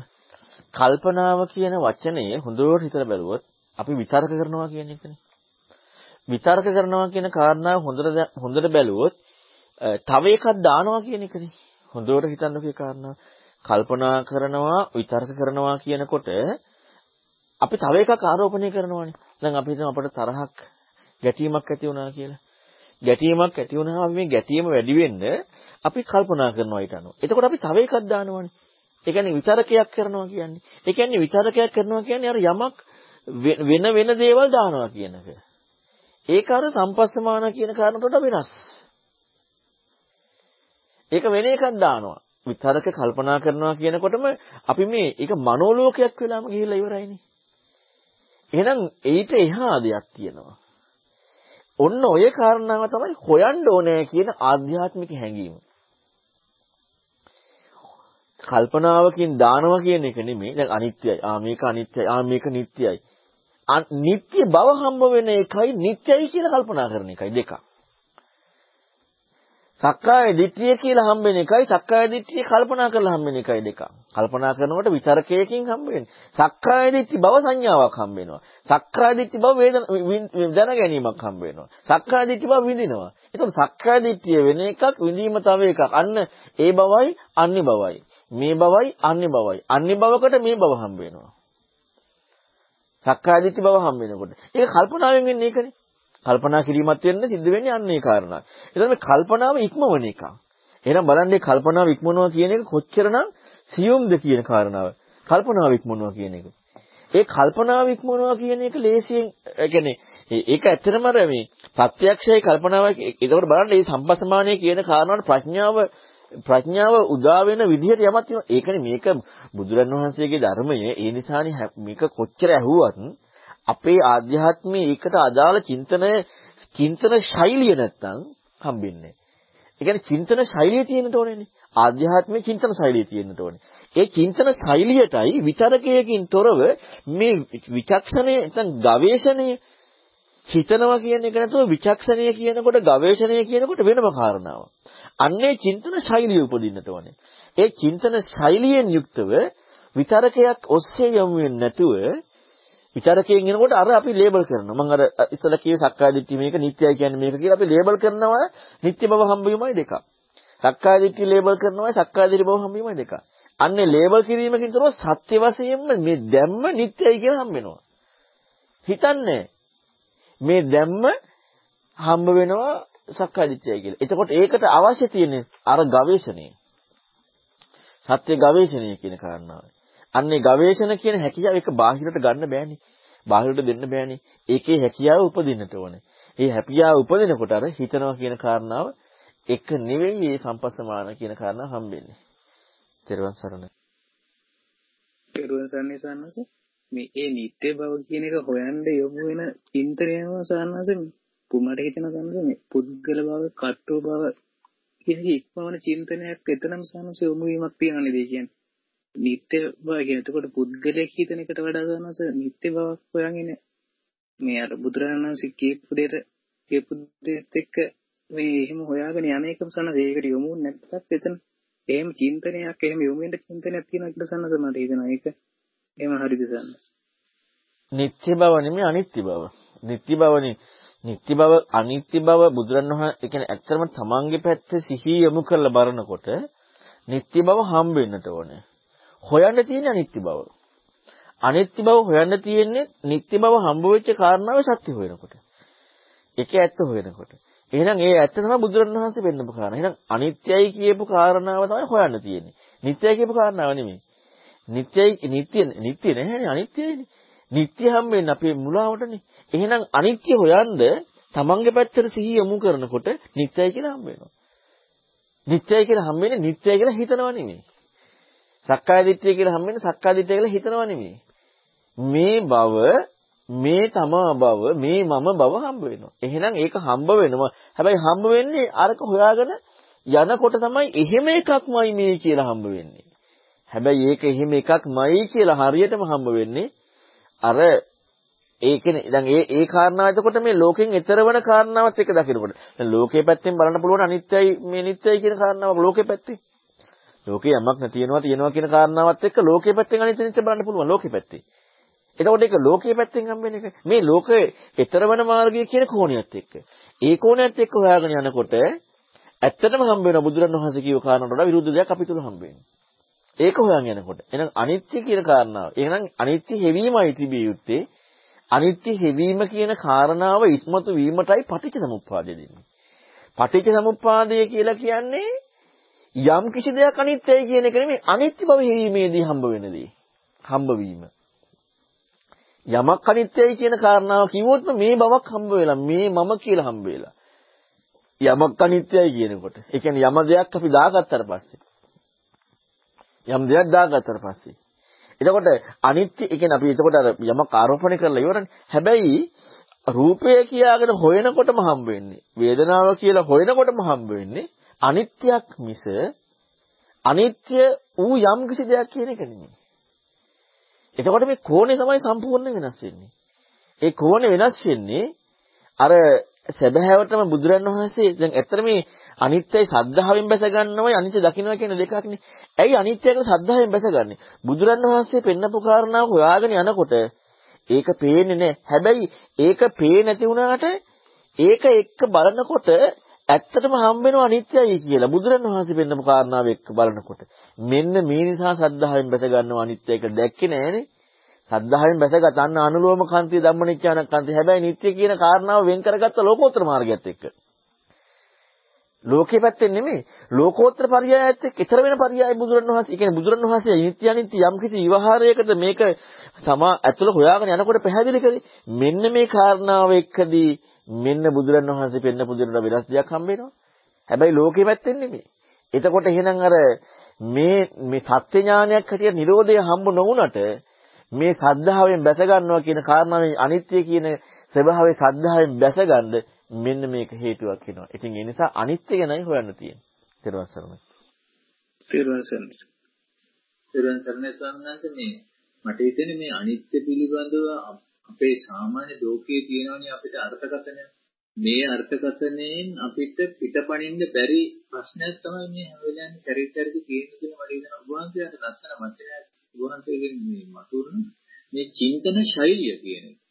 මේ මේ මේකේ මම හිතන්නේ ලොකු අර්ථයක් තියෙනවා මේක අපිට අල්ලගත්තොත් මේ චින්තන ශෛලියේ අරුබුදයක් මෙතන තියෙන මේ ප්‍රශ්නේ අපිට හොයාගන්න බැරුව. මට දැන් අර උදාහරණ විදිහට ගත්තොත් ස්වාමීන් වහන්සේ අපිට දැන් මේ අර ඉතල ඉතලා දැනිත් කතා කරපු කාරණේ ගත්තාම මේ මෙය කියන කාරණේ අපිට මේ මේ හේතුඵල සම්බන්ධයට ගන්න බැරි අපිට හරි අඩු උදාහරණ ටිකක් තියෙනවා. මට හිතෙන්නේ දැන් අර ආලෝකයේ උදාහරණය පහන් දැල්ලයි ආලෝකය.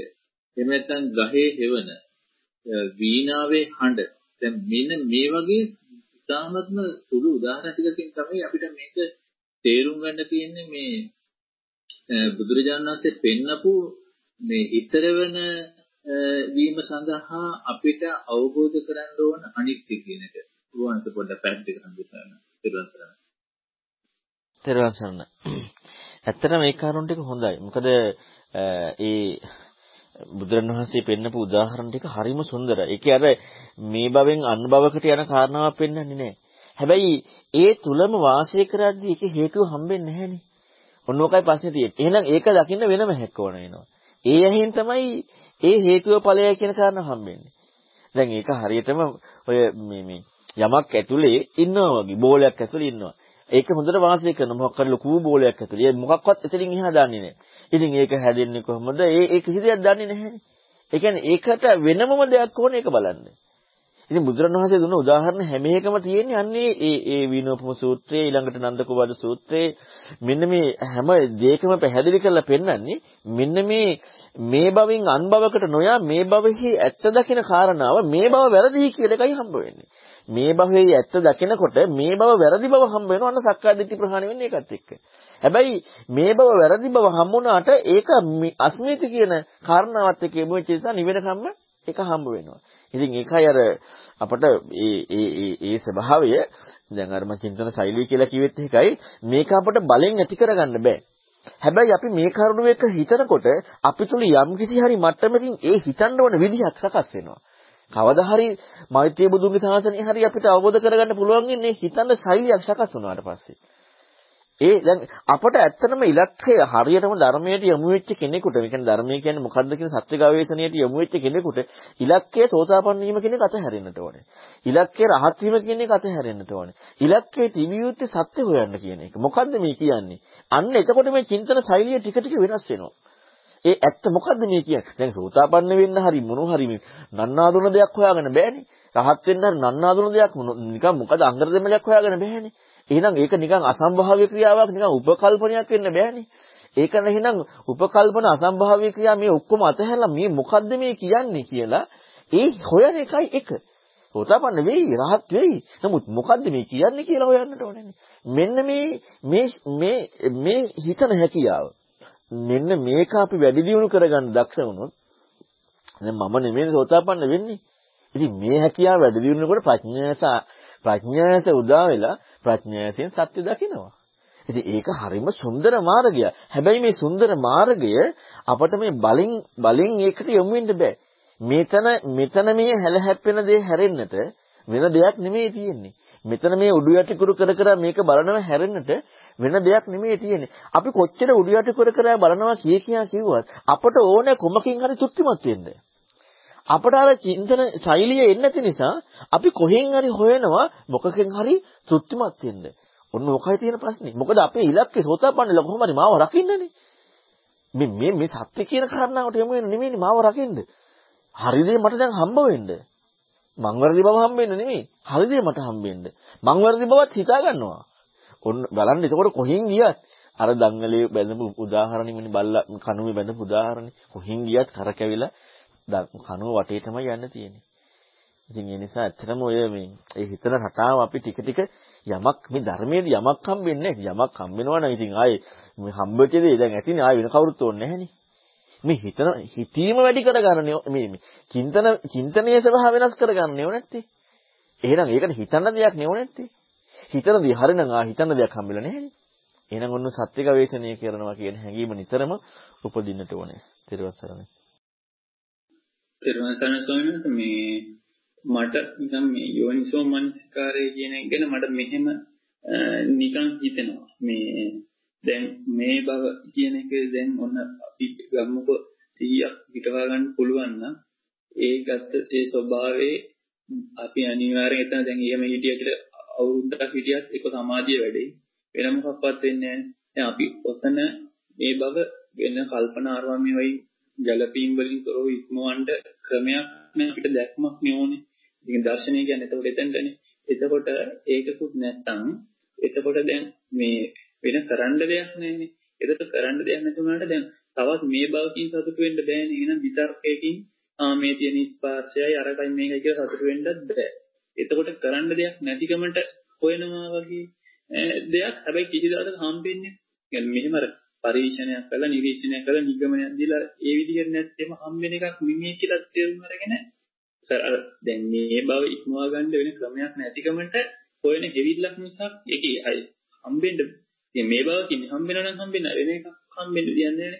එතකොට දැන් ඒ ස්වභාවයේ දැන් ඊට කලින් තිබ්බ අවිද්‍යාව නෙමෙයි මොනවද තිබ්බත් ඒවා ඉවරයි. අනාගත ඒවා අවිද්‍යාව නෙමෙයි මොක හටගත්තත් ඒවා වැඩ නැහැ දැන් මේ වෙලාවට. ඒතකොට මේ බව කියන එකේ අනවබෝධයෙන් තියෙන දි දකින්න අවශ්‍ය.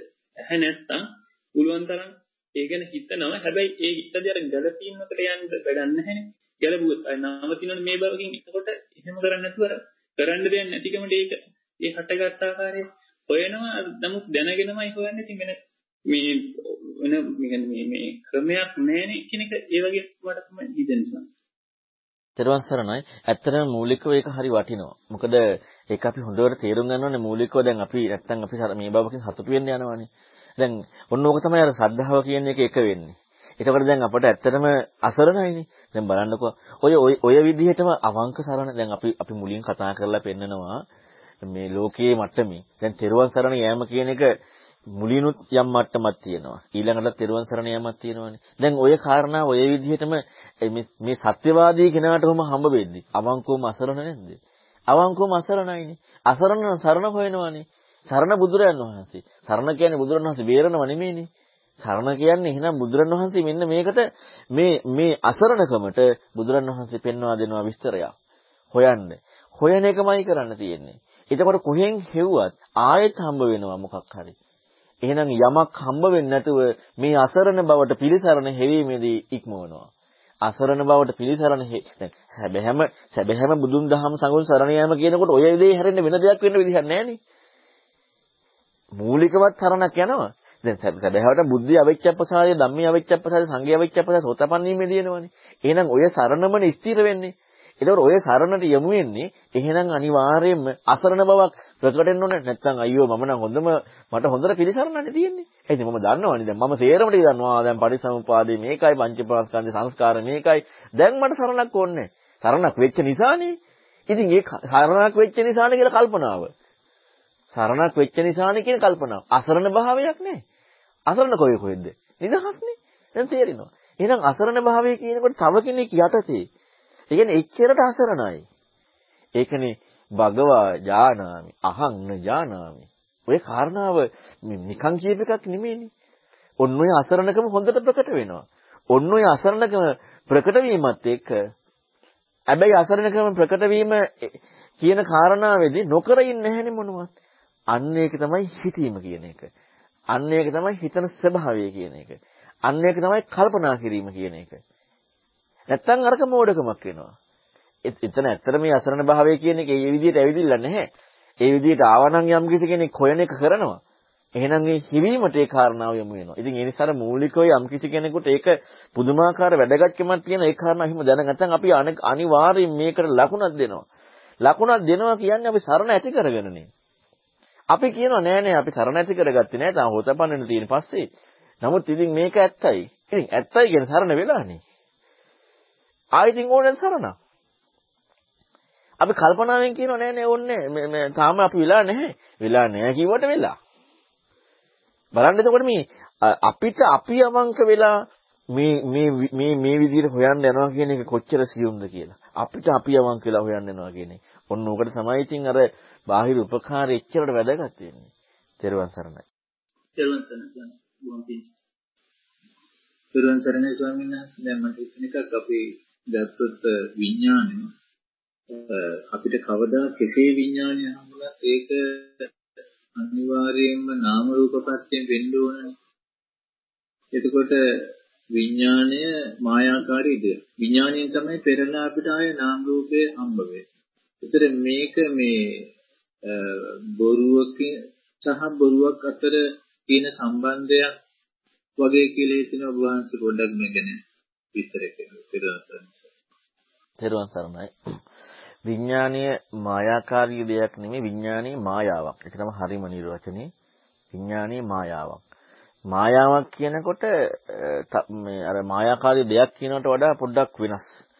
මොකද මායාකාරී දෙයක් කියනකොට මේ යමක් මායාකාරී වෙලා තියෙනවා. මායාවක් කියනකොට එහෙම වෙලාන්නේ. මායූපමංච විඥානන්නේ. විඥානේ මායාවක්. එතන මායාව කියනකොට එතන අර මායාකාරී දෙයක් කියනකොට ලොකු ගැඹුරක් තව යනවා. මායාවක් කියනකොට. එතකොට මේ ඇත්තටම ගත්තොත් ඉතින් මායාවක් නේ. සම්පූර්ණ මායාවක්. ඉතින් මායාවක් කියනවනම් ඉතින් මායාව කියද්දී අර්ථයක් නැහැ ඉතින් මායාව කියන කාරණාව හම්බ වෙනවා නම් අර්ථයක් හම්බෙන්නේ නැහැ. අර්ථයක් හම්බු නැත්නම් මායාවට අර්ථකථන දෙන්න බෑනේ. මායාවට අර්ථකථන දෙන්න බැරි වෙනවා. ඒ ඉතින් මායාවක්නේ. එහෙනම් නිදහස් වෙනවා. එතකොට එහෙනම් කොහෙන් හොයාගෙන ගියත් කොහෙන් මොන විදියට හොයාගෙන ගියත් මායාව හැරෙන්න ඇත්තක් නම් හම්බෙන්නේ ඇත්ත හම්බෙනකොට ඊතර වීම පමණි. ඇත්ත හම්බෙනකොට ඊතර වීම පමණි. මායාවේ සත්‍ය නෙමෙයි මායාවම අසත්‍යයක්. තෙරුවන් සරණයි.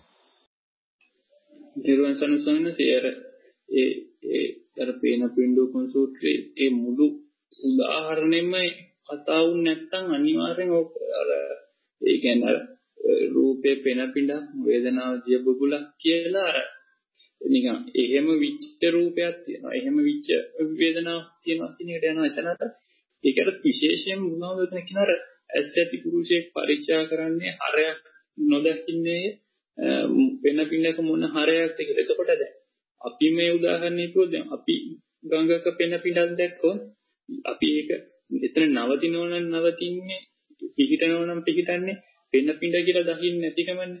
පෙන පිඬ කියලා දකින්නේ වෙන්නේ පෙන පිඬට මොනවා වෙනවද කතා වැඩක් නැහැ අපිට.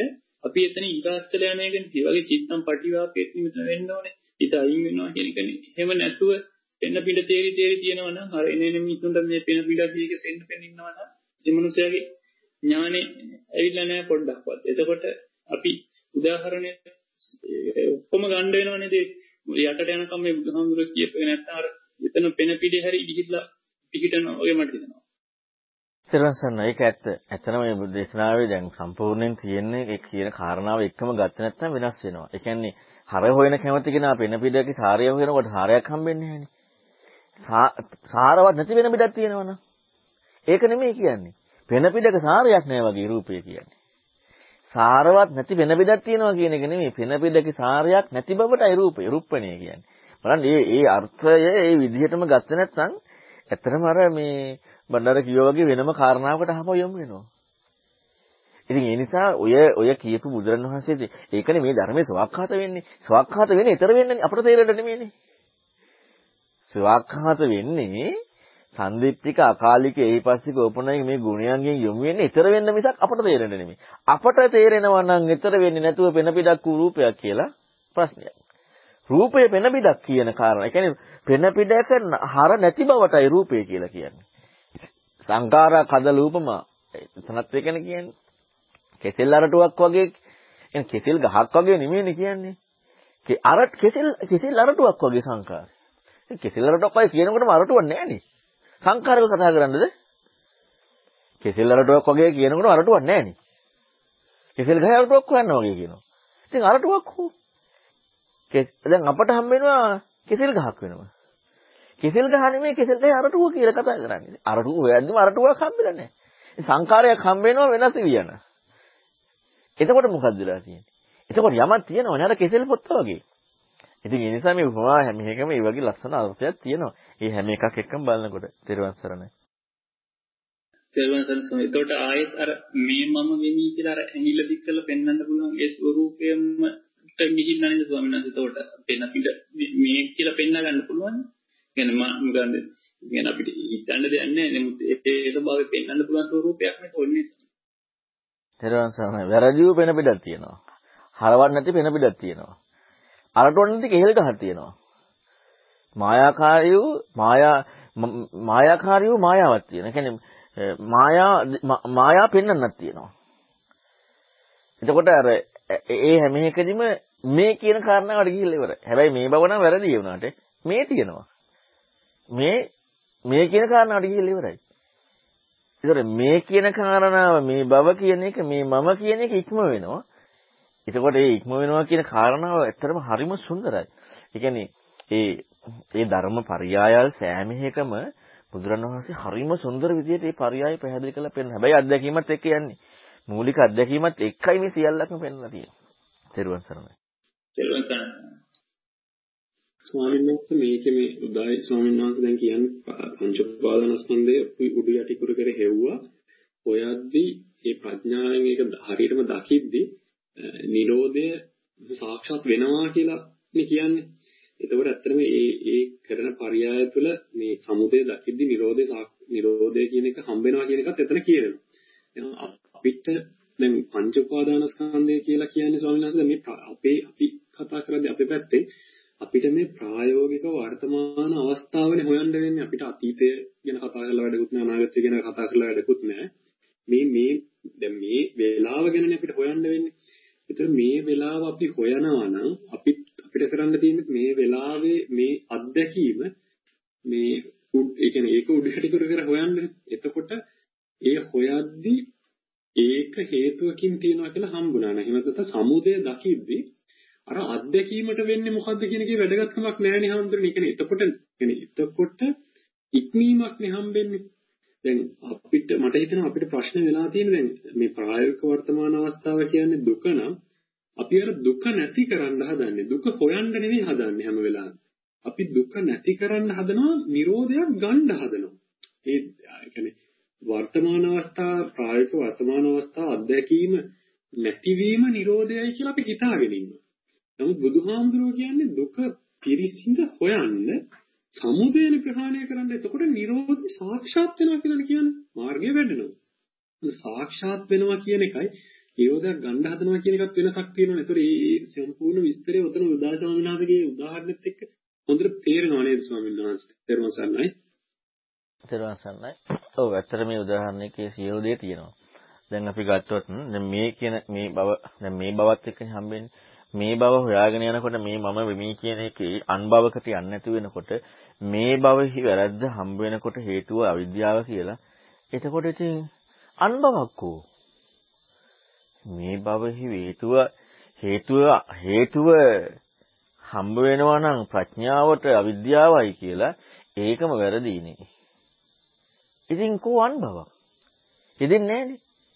එතකොට එහෙනම් හේතුව හම්බුණා කියන්නේ Nirodhe හම්බුණා කියන එකනේ. සාක්ෂාත් වෙලා නෑ Nirodhe හම්බ වෙලා වුණාට. ප්‍රඥාවට හම්බ වෙලා. දැන් මේ කියන කාරණාව හොයන්න නැතුව ගියොත් මේ කියන කාරණාව හොයන්න ගියාම මනසින් අන්බවක් එක්ක අන්බවකට ගිහිල්ලානේ හොයන්නේ. නැත්නම් ඒක ඒක හොයන්නකොට මේ බව වෙන එකක් කියලා අන්බවක් තමයි හොයන්න පටන් ගන්නෙ. එතකොට ඒක හොයනකොට ඉතින් ඒක වැරදිකොට මේ බව තියෙනවනේ. අන්න ඒ නිසා තමයි මේ නිවන් දැක්කට පස්සේ රහතන් වහන්සේට මොකද වෙන්නේ? ඊළඟට මේ සෝතාපන්න කියලා මොනවද කරන්නේ? දැන් මේ ඇයි එහෙම යන්නේ? මේ මේ මේ මේ යථාර්ථවාදී සත්‍ය හම්බෙන්නේ නැති නිසා. ඉතින් අපි අර අපට හම්බෙනවනේ ඒ අපි මේ බව කියලා කාරණා වර්තමානයේ කීක ඇහුවට දැන් ඒ බවෙහි වැරද්ද හොයාගෙන ඉන්නවනේ මේ බවේ. ඉතින් ඒ වැරදි බවක් හම්බෙලා තියෙනවනේ මේ බවට. මේ මේ මේ කියන කාරණාවත් එක්ක. වැරදි බව හම්බෙලානේ. ඉතින් එන වැරදි බව හම්බුණා හරි දෙයක් තියෙනවනේ. ඉතින් හරි දෙය කොයි වගේද කියලා කතා කරන්නේ නේද ලෝකෙට. හැබැයි මේ බවම වැරදි කියලා කතා කරනකොට කොහෙද හරි දෙයක් කතා කරන්න තියෙන්නේ? මොකද්ද කතා කරන්න තියෙන්නේ? ඊතර වුණා, නිවුණා, එච්චරයි. නිවුණා. ඒ කියන්නේ මේ ධර්ම එච්චර සුන්දරයි. තෙරුවන් සරණයි. තෙරුවන් සරණයි. සරසානස මේ සූත්‍ර දේශනාව අනුසාරණයස දැන් ඒ උදායි විශ්වහන්සේ පැවිදි වෙන අතර ජීවිකාලේ මනසේට පුරිදාන මහසූත්‍රයේ ධර්මයේ ප්‍රසන්නකේ කිසිම අර්ජුන විදිහට භක්තියක් වෙන ගෞරවයක් දෙන්න නිසා මම ඒතර මම වෙලා ඊට මනසේ තියෙන අසීමිත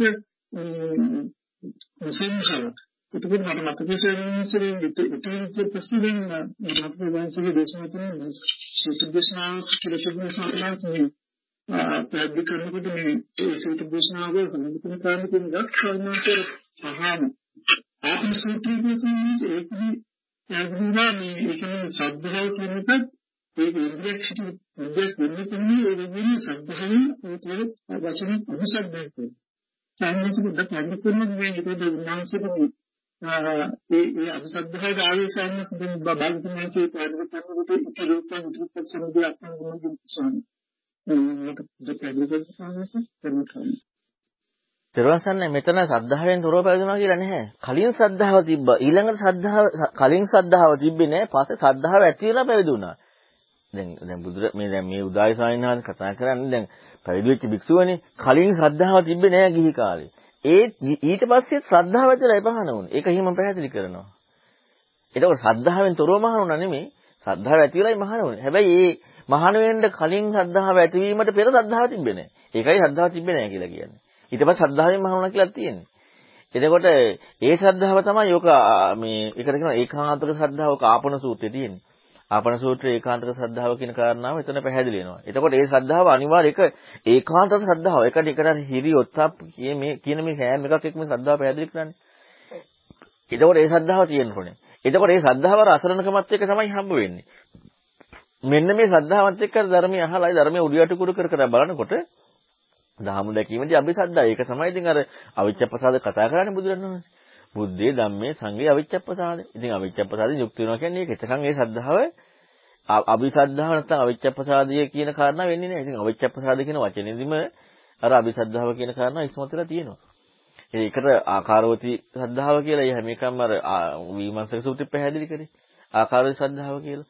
එතකොට දැන් හැබැයි ආමූලිකා කියන කාරණාව නෙමෙයි ධර්මයේ ඉමසන්න පටන් ගන්න සද්ධානුසාරී කියනකොට. මොකද ඒක වෙනස්. ඒ සද්ධාව. එතකොට දකින්න සද්ධාව ඒක අසාමාන්‍යයි.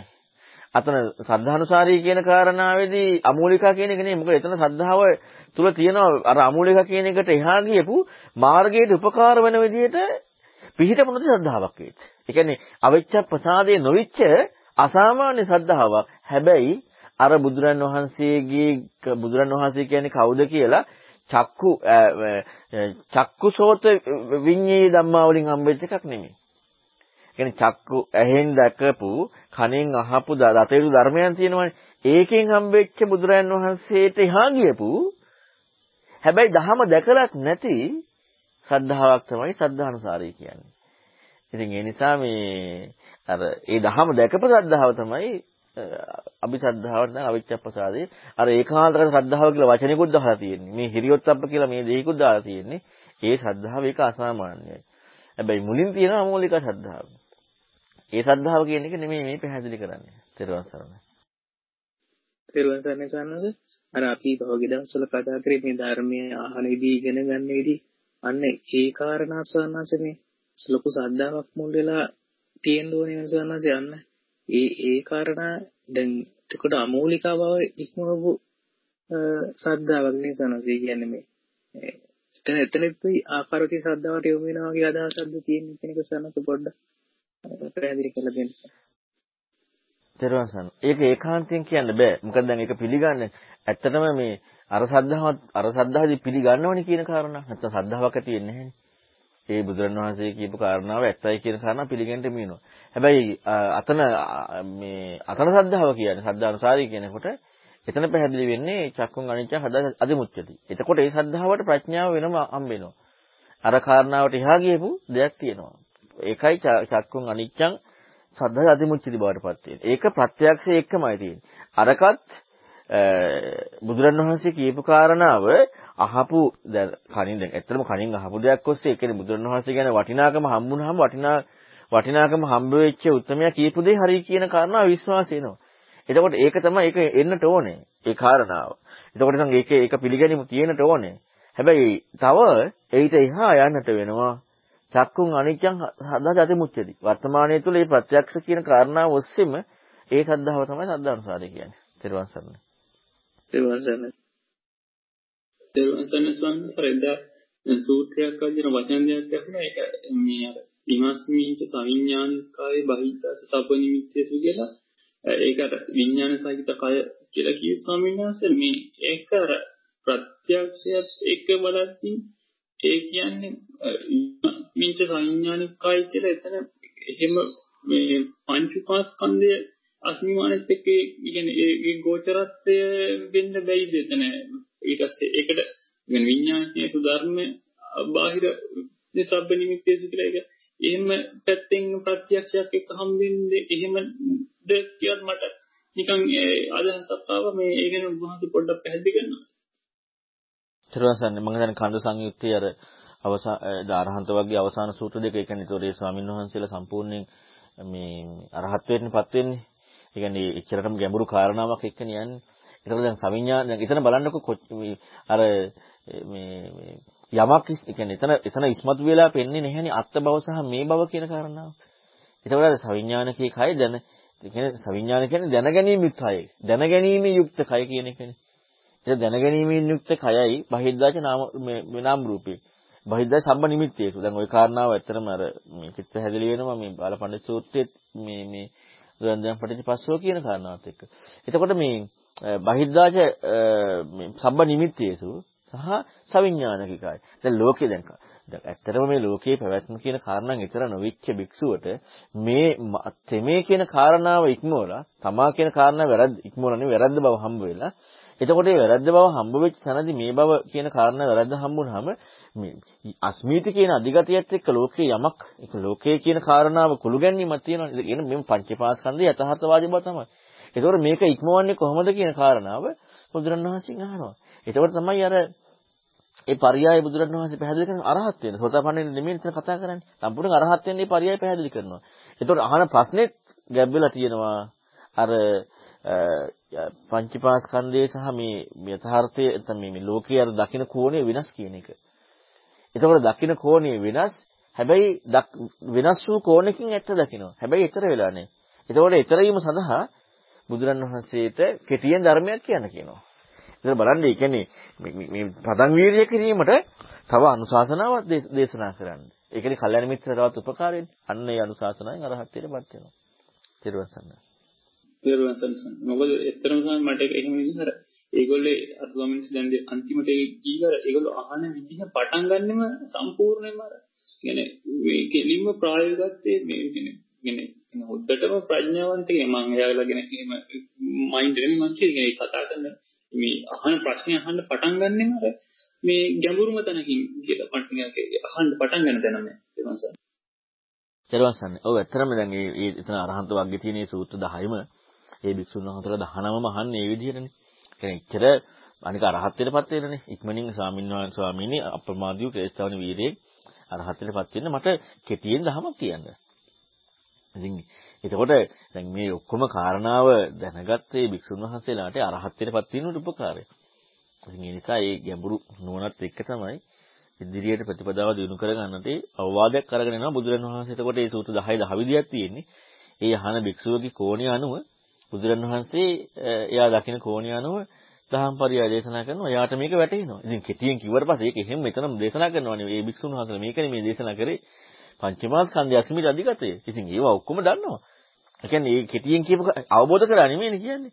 කෙටියෙන් කියපු කාරණා විස්තර වශයෙන් පැහැදිලි කරලා පෙන්නනවා. හැබැයි අර වචන ටිකක් දාලා ගලපන එක නෙමෙයි. දැනුම ගලපනවා නෙමෙයි. ඒ කාරණාව මෙන්න මේකටයි කිව්වේ කියලා ඉස්මතු කරලා පෙන්නනවා. ඊළඟට රූපකට්ටෝ. අන්න මේ හුදකලා වෙලා තෙලස්තවන වීර්ය කරලා රහත් වෙනවා.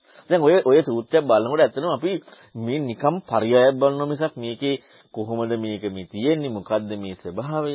ඒ ඇයි ඇයි එහෙම වෙන්නේ නැත්තේ? එහෙම වෙන්නේ නැත්තේ අපි අර මම සෝතාපන්න කරන සිද්ධාන්තක ඉගෙන ගන්න එකයි වෙන්නේ. මේක මේ සියලු දේ හොයන්න බලන්නේ. ඒක හොයනකොට ඒකේ සම්පූර්ණයෙන් ඒක බලන්න ඕන විදිහ ඒක ඒ කියන්නේ ඒකේ විග්‍රහය සම්පූර්ණයෙන් තියෙනවා. තේරුම් ගන්න. තේරුම් ගන්න.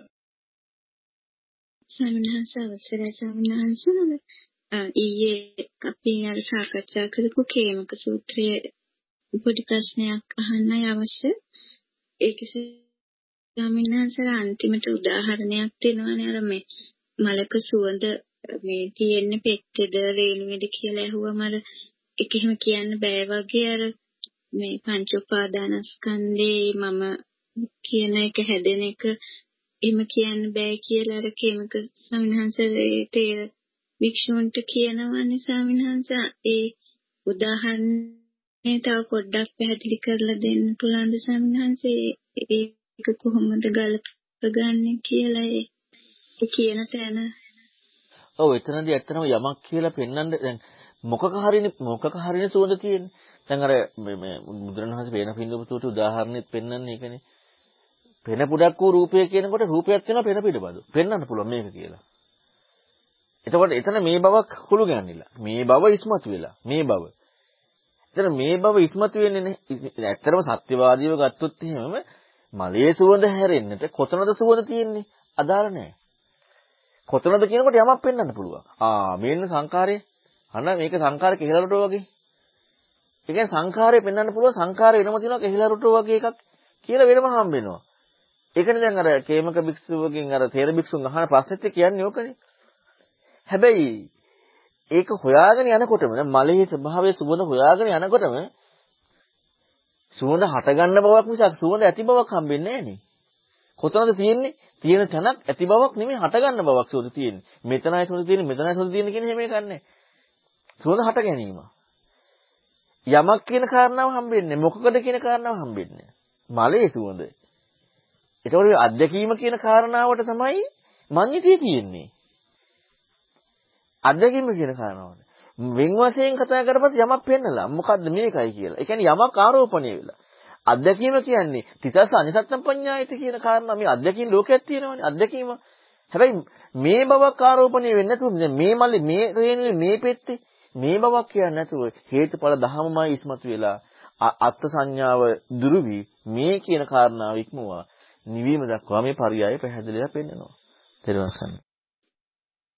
තෙරුවන් සරණයි සනස එතනදී මේ මේ අර දැන් පහේ ඒ වෙන වෙනම ගත්ත නැත සනස පහම එකට ගත්ත මලයේ සුවඳ කිව්ව මල වෙනමයි සුවඳ වෙනමයි වගේ අදහසක් එනවනේ සවන්නස අන්න එතනදිත් එහෙම ගත්තත් පරදිනවනේ සවන්නස ඒ කියන්නේ සුවඳ කියන මලේ සුවඳ කියන කාරණා තේනකොට සවන්නස මල මලක් තියෙන හින්දා සුවඳ එනවා කියන එකට කිව්වොත් තුසිකට යනවා නිසා නෑ එච්චර යන්න ඕනේ නෑ ඇත්තටම මොකද අර අර කාරණාවට අර ටික විතරයි. ඒ කියන්නේ ආබුදුරණවහන්සේ දැන් අර අර කී අර විදිහට දෘෂ්ටියකට යනවා. ඒ කියන්නේ අර මෙතන උදාහරණේ යම් මම එක හැම වෙලේම කියන්නේ යම් තැනකට කොටු කරනවානේ.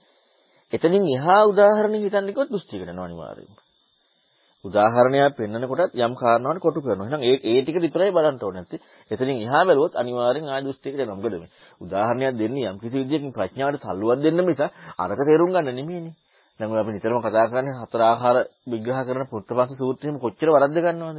එතකොට මේ මෙතන මේ පෙන්වලා දෙන්නේ යම් කිසි විදිහකින් ඒ කාරණෙන් අර්ථයක් ගන්න මිසක් එතනින් එහා මේ උදාහරණ ගැන හොයන්න නෙමෙයි. එතනින් එතන අර්ථයක් ගන්න තියෙන්නේ. ඉතින් එතනින් එහා හිතන්න කිව්වොත් උදාහරණයට එහා යන්න කිසිලා. තෙරුවන් සරණයි. තෙරුවන් සරණයි. තෙරුවන් සරණයි ස්වාමීන් වහන්සේ දැන් මේ අපේ උදයි ස්වාමීන් වහන්සේ මේ පංච උපාදාන ස්කන්ධයේ උඩු යටි කුරු කරට බැලුවා කියන කාරණේට මත යනකව ආවොත් දැන් අපිට මේ පංච උපාදාන ස්කන්ධය අපේ අර මහා පුන්නම සූත්‍රයේ සම්බන්ධයෙන් කියලා තියෙන විදිහට දැන් රූපය සතර මහා ධාතුන්ගෙන්. ඊළඟට වේදනාව සංඥාව සංකාර ස්පර්ශය විඥානයේ නාම රූප දැන් මේ විදිහේ හේතුඵල සම්බන්ධය ඔන්න අපිට ඒ ඒ ඒකෙදි එතන එහෙම අහුවෙනවා.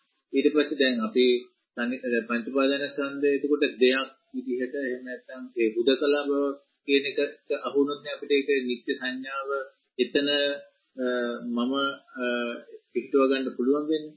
දැන් මේ ඊට පස්සේ අපිට හම් වෙනවා ඒකට මුළු හේතු ටික. ඊට පස්සේ දැන් ඒ හේතුවත් නිත්‍ය එකක් නෙවෙයිනේ ඒකටත් ඒකත් සම්බන්ධකම තියෙනවනේ දැන් මේ වගේ කල්පනාවක් අපි ඉදිරියට ඉදිරියට කොහොමද කරගෙන යන්නේ කියන එක වෙන පැහැදිලි කිරීමක් කරන්න පිරුවන් ගන්න කරා. පිරුවන් සර්ණයි. ඇත්තට මේක හොයන්නට ඕනේ. හැබැයි හොයනකොට නම් කරන්න බෑ. අර එකයි සම්පස්සමානෝ කියන එකයි විතරකයයි කියන එක දෙක. දැන් මම කලින් කතා කරා දැනුම තියෙන්නේ ධර්මයට යොමු වෙන්න යොමු වෙනකොට ඊතර වෙන බව හම්බ වෙන විදිහට ධර්මයේ ඉස්මතු කරේ ඒ ධර්මයේ හම්බ වුණා නම් ආයේ ඒක තහවුරු කිරීම කියලා විතරකයකින් ඒකට එන්න බෑ. එතකොට දැන් දැනුම ඔන්න යොමු වෙනද ඕනේ නැත්තේ. එහෙනම් ඔන්න අපි හොයන්න පටන් ගන්න ක්‍රමේ. රූපය හතර මහා ධාතුයි. දැන් අපි හිතමු අපේ රූපය කියන එක ඉස්සල්ලාම හම්බෙන්න ඕනේ. මොකද්ද? රූපය කියලා නැත්නම් විඳීම කියලා හිතන්නේ නැතුව විඳීම කියන්නේ මොකද්ද කියලා හම්බ වෙන්නට ඕන. අන්න එතකොට විඳීම හොඳට සම්පර්ෂණය කරනවා. විඳීම කියලා හිතන්නේ නැතුව. ඒ කියන්නේ අපිට යම් හරි මට්ටමකින් මේ විදීම කියන එක. ඒක අපි තුමු රූපය කියන කාරණාව, රූපණය කියන එක. මෙන්න මේක යම් හරි මට්ටමකින් ඒක හම්බ වුණාම ඒක යම් හරි මට්ටමකින් අපට. එතකොට මේකේ හේතුව හතර මහා ධාතුක හතර මහා ධාතු ලේබල් කරන්න බෑ. දැන් දැනුම හතර මහා ධාතුවෙන් කියලා එන්නේ. දැනුම හතර මහා ධාතුවෙන් කියලා එනකොට දැනුම දෙන්නේ යෝනිසමනසිකාරයටනේ හතර මහා ධාතුවෙන් කියලා. එතකොට සතර මහා ධාතු කියන කාරණාව හොයන්නට වෙනවා. හතර මහා ධාතු කියන කාරණාව මේකයි කියලා ලේබල් කිරීම විතරකයකට යමු නොවි හතර මහා ධාතුව කියන කාරණාව මොකද්ද කියලා අන්න සම්පස්සමාන. එන්නේ මේ ඒක ඒක මොකද්ද කියලා හෙවීම කියන කාරණාව ඉස්සල්ලාම කරන්න වෙනවා. එහෙනම් හේතුව හොයන්නට වෙනවා. ඒතර බලන්නකො අර දැනුමෙන් ඇහිච්ච දේ තුලින් යෝනිසමනසිකාරය ඉපදෙන හැටි. දැනුමෙන් ඇහිච්ච දේ ආයේ විතරකයකින් ගලපන්න ගියාම අන්න අර සද්ධා රුචි අනුසව ආකාර පරිවිතක දිටිනිච්චන කන්ති පැත්තට මේ යන්නේ. දැන් අත්දැකීම ගැන කතා කරන්නේ සත්‍ය අවබෝධය ගැන. ඒ කියන්නේ අවබෝධය කියන්නේ මොකක් හරි කරුණු දෙකක් ගැන කිව්වනම් ඒක අත්දැකීම කියන එකනේ. එතකොට එහෙනම් සද්ධා රුචි අනුසව ආකාර පරිවිතක දිටිනිච්චන කන්ති මෙන්න මේ කරුණු ඉක්මවන විදිහට අපිට මේ චින්තනය හම්බ වෙන්නට ඕනේනේ. එතකොට එහෙනම් අර දැනුමෙන් ආවේ මේකට යොමු වෙන්න යොමු වීමෙන් යෝනිසෝ මනසිකාරය ඇතුළ හම්බෙන්න ඕන නැත්තේ ඒ දැනුම විතරකයකින් හතර මහා ධාතු කියලා හම්බෙන්න විදියක් නැහැ. එහෙම හමු වුණා විතරකයක් හම්බෙන්නේ. ඔන්න ඔය කාරණාව දැන් හොයන්නට වෙනවා. අන්න ඒක යෝනිසෝ මනසිකාරය ඉදීම වෙනවා. එතකොට ඒ විදිහට හොයාගෙන හොයාගෙන හොයාගෙන අපට දිගටම යන්න වෙනවා මේ පටිසමුප්පාද න්‍යායක හොයන්න. ඉතින් ඒක තමයි කරන්න ඕනේ. හැබැයි කරනකොට අන්න අර ටික හොඳට බලන්නට ඕනේ. දැනුම මේකට එන්නේ දැනුමින් යෝනිසමනසිකාරය ඉපදින්නට ඕනේ නැත්තේ දැනුමින් අත්දැකීම වහන්න බෑ. දැනුමින් අත්දැකීම වහන්න බෑ. දැනුම යෝනිසමනසිකාරය අත්දැකීම බවටපත් වෙන්නේ. දැනුමින් අත්දැකීම ප්‍රත්‍යක්ෂ බවටපත් වෙන්නේ යෝනිසමනසිකාරය. ඇත්තටම යෝනිසමනසිකාරය උපදින්න එකක් තියෙනවා. දැන් මොකද්ද මේ ධාතුව? අපි පට ව්‍යාපෝතයේ වායු කියලා ධාතුව. එතකොට ඉතින් අන්න හොයන්න තියෙනවා. ඔන්න ඔය කාරණාව උපදින්නට ඕන. ඒක තමයි උඩියට කුරු කර කර හොයන්න තියෙන්නේ. තෙරුවන් සරණයි. බලන්නකො කොච්චර ගැඹුරුද ධර්මයේ. මේ සෙල්ලමකට ගන්න නැත්තම් අර වැදගත්කමක් කියන ඇත්තටම අර නිකන් මේ පොඩි දෙයක් කියන්නේ අපි හිතින් වචනෙන් නොකියුවට දැන් අපටත් තේරෙන දෙයක් නේ ඕක. කියන තැනට එනකොට නිකන් අර එච්චර ගණන් ගැනීමක් නෑ වගේ. බලන්නකො මෙහෙම මේ මේ ධර්මයේ ඇත්තටම මේ බුදුන් වහන්සේ පෙන්නපු මේ ප්‍රායෝගික ප්‍රත්‍යක්ෂ විග්‍රහයත් කියනකොට ගැඹුරු කියන්නේ අසාමාන්‍ය ගැඹුරු බවක් හම්බ වෙනවානේ. ඕකටයි ගැඹුරු ධර්මය කියන්නේ. ගැඹුරුයි කියලානේ හම්බෙලානේ ආයි හම්බ හම්බුනේ නැහැ ගැඹුරු බව හම්බුණා. මිසක් හම්බෙච්ච දේ ගැඹුරුයි කියන්න බෑනේ. හම්බෙච්ච දේ ලේබල් එක නේ ගැඹුරු. ඉතින් බලන්නකො මේ ධර්මයට ඔය ඔය විදිහට ධර්මයේ ස්වභාවය වෙනකොට ආශ්චර්යයක් මේක ආශ්චර්යයක්. වැරදි කියලා හිතෙන්නේ නැහැ. ආශ්චර්යයක් නේ. මේ මොකද්ද මේ? හිතාගන්න වැරදියා. අද්භූතයි. අච්චරියම් බන්ති. අභූතම් බන්ති. ගම්බීර ඡායා. මේක මේ මේ ධර්මයේ ගැඹුරුයි. දුද්දාසයි. මේ මේ මේ හැම එකදීම ඔන්න ඔය ස්වභාවය නිස්මතු වෙන්නේ. එතකොට ඒකනේ අභිධම්මේ අභි අභිධම්මේ අභිවිනේ උලාර පාමොජ්ජයක් හට ගන්නට ඕනේ නැත්තේ. අභිධම්මේ අභිවිනේ කතාවට යොමු වෙන්නේ නැති වුනහම එක්කෝ යොමු වෙච්ච කෙනෙකුට ඒක අභිධම්ම අභිවිනය කියලා හම්බෙන්නේ නැතිනම් උලාර පාමොජ්ජේනේ. හරියටම අභිධම්ම අභිවිනය කියන කාරණා ප්‍රත්‍යක්ෂ වෙනකොට අර තමාට නිඳා කරන කාරණා ඉක්මවලා තමාට ගැළපීමක් එන්න විදිහක් නැහැනේ. ගැළපීමක් ආවනම් අභිධර්මයේ අභිවිනය වෙන්නේ නැහැනේ. ගැළපීලානේ තේරෙනවනේ ඒක අභි වෙන්නේ නැහැ. උලාර පාමොජ්ජං. උපදින්නේ උලාර පාමොජ්ජයක්. පහට හටගත්ත ප්‍රමුදිත භාවය. අන්න ඒකෙදි මාර්ගයේ ඉස්සරහට යනවා. ඊට පස්සේ එතන සම්මසන්නේ සලසන් මහත්මයාගේ ප්‍රශ්නෙට මේ මහා කුණා සූත්‍ර සංඥා කියන්නේ සතර මහා ධාතුව ඒ හටගත් උපා ඒ හටගත් නිසා එතකොට ඒතන එහෙම එහෙම ගන්න පුළුවන් නිසා තවදුරටත් එකින් එතකොට ඒ පාදාන හටගත් කියන සංඥාස ඒකද මේ සංඥාස මේ ඉති රූපං කියන පැත්තට බලන්න සංඥාවට මම රූපවල සංකල්පන ඒක සරණයි ඊටවසන් ඒකනේ මම ඒක කලින් ගොඩාක් විස්තරවල තියෙනවා ඒක අහන්න. මොකද ඒකේදී ඒ කරුණු පිළිබඳව මම වෙනම විස්තරයක් කරලා තියෙනවා. හතර මහා දාල හතර මහා රූපාදාය රූප කියන එක වෙනම විග්‍රහයක් කරලා තියෙනවා. ඉතින් ඒ කාරණාවක් අහන්න. ඒ දේශනාව. ඊටවසන් සරණයි. ඊටවසන් තමයි දැන් මේ පංච උපාස්කන්ධය ගැන හොයනවා. ඉතින් අපි තුමුනේ අර පරියාය හතරක් තියෙනවානේ. ඒ දේ ගැන අර විවිධ පැති වලින් දර්ශනයේ සුවිශුද්ධ වෙන දැන් සාමාන්‍යයෙන් පංච උපාස්කන්ධ රූප වේදනා සංඥා සංකාර විඥාන කියවහම දැන් මේක සප්පාය සප්පාය සමුදය කියන එක හොයන්න ඕනේ. එතකොට දැන් මේ දැන් ඒක තණ්හාවෙන් කියලා කියනනේ දැන් මේක අපි හොයන්න යනවා. එතකොට අදිටි දුරු කරගන්න පැත්තක් එන්නේ. දැන් මේක දැන් සාමාන්‍ය කියන්නේ බුදුහාමුදුරුවෝ වෙන්න බුදුහාමුදුරුවෝ අර සමාස්තෘත වෙනනේ පංච උපාස්කන්ධයේ ඊට කලින් තලම මෙවදී පරිසම්පාදයේ යෝනිසෝ මනසිකාරය කරලා ඊට පස්සේ අපරේණ සමීන කියන්නේ පස්සේ පංච උපාස්කන්ධයේ උදේරය දකිමින් මෙයාගරද්දී අරහත්ත්වයටපත් වුණා කියලා. ඒකට දැන් අපිට ඇත්තටම අපි ගන්න අපි කියන්න බෑ මොන පැත්ත අපිට හරියයිද කියලා. දැන් මේ සත්‍යය තියෙන්නේ හේතුවකින් කියලා අපිට දකින්නේ අපිට ලොකු පැත්තකට හිතාගන්න හිත එන්නේ මෙහෙවන්න ලොකු කරුණියක් අපිට අහු වෙන්නේ නැහැනේ. ඒකට මුළු පටිච්චසමුප්පාද න්‍යායෙම විමසද්දී අර ලොකු පැත්තකනේ විවිධ ආයතන පැත්තයි අරවා මෙහා ගියදී විවිධ පැතියකින් හිත යොමු කරන්න අවස්ථාවක් එද්දී ඒ වගේ පැත්තකින් මේකට මේ හෙල්ප් එකක් ගන්න එක හොඳ නැද්ද සෝනස්? ත්‍රිවන් සරණයි අනිවාර්යෙන්ම බොනේ. ඒකනේ මේ ඔක්කොම ඉගෙන ගත යුත්තේ. ඒ කියන්නේ මේ සියලු දේ සම්බන්ධයෙන් ඒකේ කියන කාරණා පිළිබඳව විමසන්නට ඕනේ.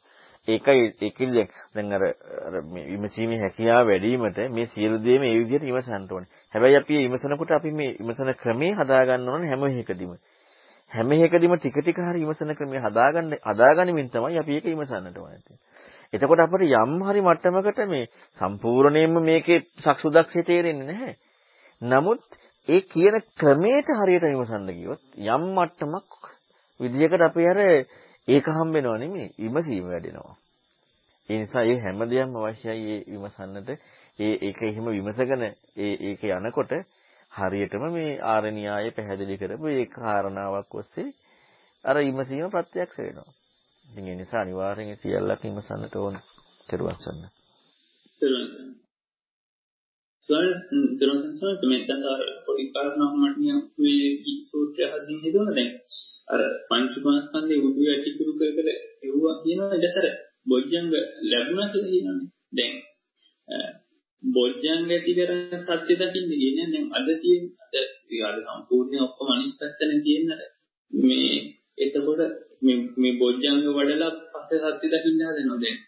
ආරයම් කරන්නේ මේ මාර්ගයේ ඉපදුණා මේ බොජ්ජංග ලැබුණා කියලා කියන එතකොට සම්පූර්ණයෙන් කරන්න ඕනේ කරන්නේ නැතුව එන්න ඕන දේ කියන්නේ ලැබෙන දේ බලින් ගන්න යන ක්‍රමයකට නේද දැන් නිකම්ම ගිහින් තියෙනවා අනිවාර්යෙන් ඔව්. ඒ කියන්නේ ඉතින් ඒක තමයි මේ ප්‍රධාන ප්‍රශ්නේ තියෙන්නේ. දේශනාව අධ්‍යයනය කරන ක්‍රම වැරදිනේ. ඉතින් පළවෙනි කාරණාවම නැත්තම් සක්කච්ඡන් ධම්මං සකසා ධර්මී අහන්න නැත්තම් ධම්මං සුණාති වෙන්නේ නැත්තම් සකසා ධර්මී ඉගෙන ගන්න නැත්තම් සකසා ධර්මී දරා ගන්න නැත්තම් සකසා ධර්මී අර්ධිමසන්නෙත් නෑනේ. සකසා ධර්මයේ අර්ධිමසන්ත සකසා මේ ධර්මයේ වැටෙන්නේ නැහැ. ඉතින් එහෙනම් අනිවාර්යෙන් පළවෙනි එකේ ඉඳලා වැරදුනහම අව දිගටම යන්නේ වැරද්දා. බුදුරණවහන්සේ කියපු කාරණා වෙන්නේ නැහැ. ඉතින් ඒක සම්පූර්ණයෙන් ඇත්ත. මේ කියපු කාරණාවලදී කොච්චර සුන්දර ප්‍රතිපදාවක් කියලා දෙනවද? ඉතින් ඒ නිසා මේ මේකෙදි වැදගත්ම දේ තමයි සකසාම ධර්මයේ ඉගෙන ගන්න එක. ඉගෙන ගත්තොත් සකසාම කරන්න වැඩක් හම්බ වෙනවමයි. කරන්න වැඩේ කියන්නේ දතකට කාගෙන කරන එකක් නෙමෙයි. දතකට කාගෙන කරන්න ඕනේ අර මනසාදල්ලේන මනසින් ඈතර වෙන්නට කරන්න ඕනේ කියලා. ඒ මේ මේ මනාකොට ඒ දර්ශනීයට යමු වෙන්න. එහෙමයි. නැතුව මේ දැකපු ඒ කාරණාවේ මනාව යමු වෙන එක. නැතුව මේ දතකට කාගෙන නිකන් කරන එකක් නෙමෙයි. එහෙනම් ඒ විදිහට යමු වෙන්න අනිවාර්යෙන් මේ ධර්මයේ හරියට ඉගෙන ගන්න ඕනේ. එතකොට අර යෝනිසෝ මනසිකාරය කියන එක තමයි ප්‍රඥාවෙන් දකින්න වැඩපිළිවෙලකට උපදින දෙන්නේ. ඔන්න ඔය කාරණාව ඉස්මතු වෙලා එනවා. තේරුම් ගන්න. තේරුම් ගන්න. සෝෙන්තර දෙන ගතන්තුලතර ඒ ලස්සන කාරණා එතන ඉස්මතු වුණාර නොමිදේ මුක්ති මේ විදිහම කියන ගෙදන අර ඒකේම අර මම ඉඳලා ඇත්තකින් මම මුක්ති විදින කතාව ඉක්මවලා ඒක ඇත්තට රත්න කාරණා කියලා ලස්සන සූත්‍රයද ඉතිරිපත් කරනවා. ඔව් ඇත්තට මේකේ මේ ලස්සන බව මේ ගැඹුරු බව අර ඒ ආනන්තරික සමාධිය කියන වචනේ ඊළඟට මේ ඒ විග්‍රහය ඊළඟට ඒ ලද්ධා මුදා නිබුතින් පුඤ්ඤමාන මේ ශ්‍රාවකයාගේ ඒ ඒ ඒ කාරණාව අර යම් කිසි කෙනෙකුගේ අයිතිත්වයක් නැහැ කියන එක කියන්නේ පුදුම සුන්දරයි. ඇත්තටම කෝණය අපි හරි කරගත්තා නම් හරියට හදාගන්න යමු වුණා නම් මේ ධර්මය මේ වදයක්මනේ මදු පින්ඩිකයක්මනේ. එච්චරටම මීවදයක්. කොහෙන් ගත්තත් මේ ධර්මයේ මී පැණි රස වගේම තමයි. ඒ කියන්නේ ඒක අපේ කෝණියත් එක්ක තමයි වෙන්නේ. ඉතින් ඒ නිසා ඒක අපි හදා ගන්න ඕනේ. තේරුවන් සරණයි. තේරුවන් සරණයි. දැන් සොන්නස් දැන් ඔය දැන් බොජ්ජංග සති සම්බොජ්ජංගේ ධම්මවිජය විරිය ප්‍රීති එහෙම කියලා කියන දැන් ඒක ප්‍රීති සම්බොජ්ජංගේ ආදි දේවල් තියෙනවා දැන්. ඒක මාර්ගයට අදාළ මාර්ගයත් එක්කනේ කතා කරන්නේ දැන්. දැන් මම දැන් ඕක කරන් යද්දී අර එන දරතෙන්නේ මාර්ගෙට නෙමෙයි මටනේ එන්නේ එන එක මටනේ එන්නේ එතකොට එහෙනම් මම භුක්ති විඳිනවා නම් ඒ අර ඒක අනිවාර්යෙන් මේක දැන් සුඛයක් වෙන්න පුළුවන් එක්ක දරතයක් වෙන්න පුළුවන්. ඒක ඔය බොජ්ජංගත් එක පටල ගන්න හොඳ නැහැ කියන එක අපි එතනින් පොඩ්ඩක් අර බික්කුණෝ පස්සේ සූත්‍රයෙන් ගන්න පුළුවන් මේ මේ පීතිය සම්බොජ්ජංගය කියන එක අදහස. එතනසන්න. තරසන්න. ඔව් ඇත්තටම අර අතනදී පැහැදිලි කියන්නේ දරතේ මට එනවා ඒ නිසා පිහිట్లా වඩනවා ඒක වෙන් කරගන්න. ඒ ප්‍රීතියක් වඩන්න. ප්‍රීති සම්බොජ්ජං කියන්නේ වෙන එකක්. ප්‍රීතිය වඩනවා පිහිටලා. ඇයි දරතේ වෙන් කරගන්න? අයින් කරගන්න. දරතේ හම්බ වෙන්නේ මට. ප්‍රීතිය හම්බ වෙන්නේ. ප්‍රීති බොජ්ජංගේ හම්බ වෙන්නේ. ඒ සම්බොජ්ජංග එක ලැබෙන එක. අතන ප්‍රීතියක් වඩන්නේ දරසේ දුරු කරන්න. මාට ඇති වෙච්ච දරසේ දුරු කරන්න. ඉතින් ඒ සූත්‍රයේ ලස් ඒ කියන්නේ ඇත්තටම මේ මේක මේ හැම දේශනාවක මේ සියලු කාරණා ඉස්මතු වෙලා හොඳට පැහැදිලි. ඒ කියන්නේ මේ ධර්මයේ පොතුනකවත් අඩුවක් නැහැ. ස්වාක්ඛාතමයි ධර්මයේ. මුලැමැදාග පිරිසිදුමයි ධර්මයේ. මේ ධර්මයේ අර්ථ සහිත ව්‍යංජන සහිතමයි මේ ධර්මයේ. මේ ධර්මයේ එච්චරටම සත්‍යයි. ඉතින් මේ සත්‍ය කොහෙන් ගත්තත් ඒ බව තියෙනවා. නමුත් ප්‍රශ්නේ තියෙන්නේ ඒක ඒ බව ගන්න හැකියාවක් යොමු වෙන්නට ඕන. එහෙම හැකියාවකින් යුක්තව ඒ ධර්මයේ තියමුනොත් ඒක අමෘතයම තමයි. අමතං විගහය ලද්දා මුදා නිබ්බුතින් පුඤ්ජමාන. ඒ ලැබුණ අමෘතය මේ නොමිලේ භුක්ති විඳිනවා කියන්නේ ඒකයි.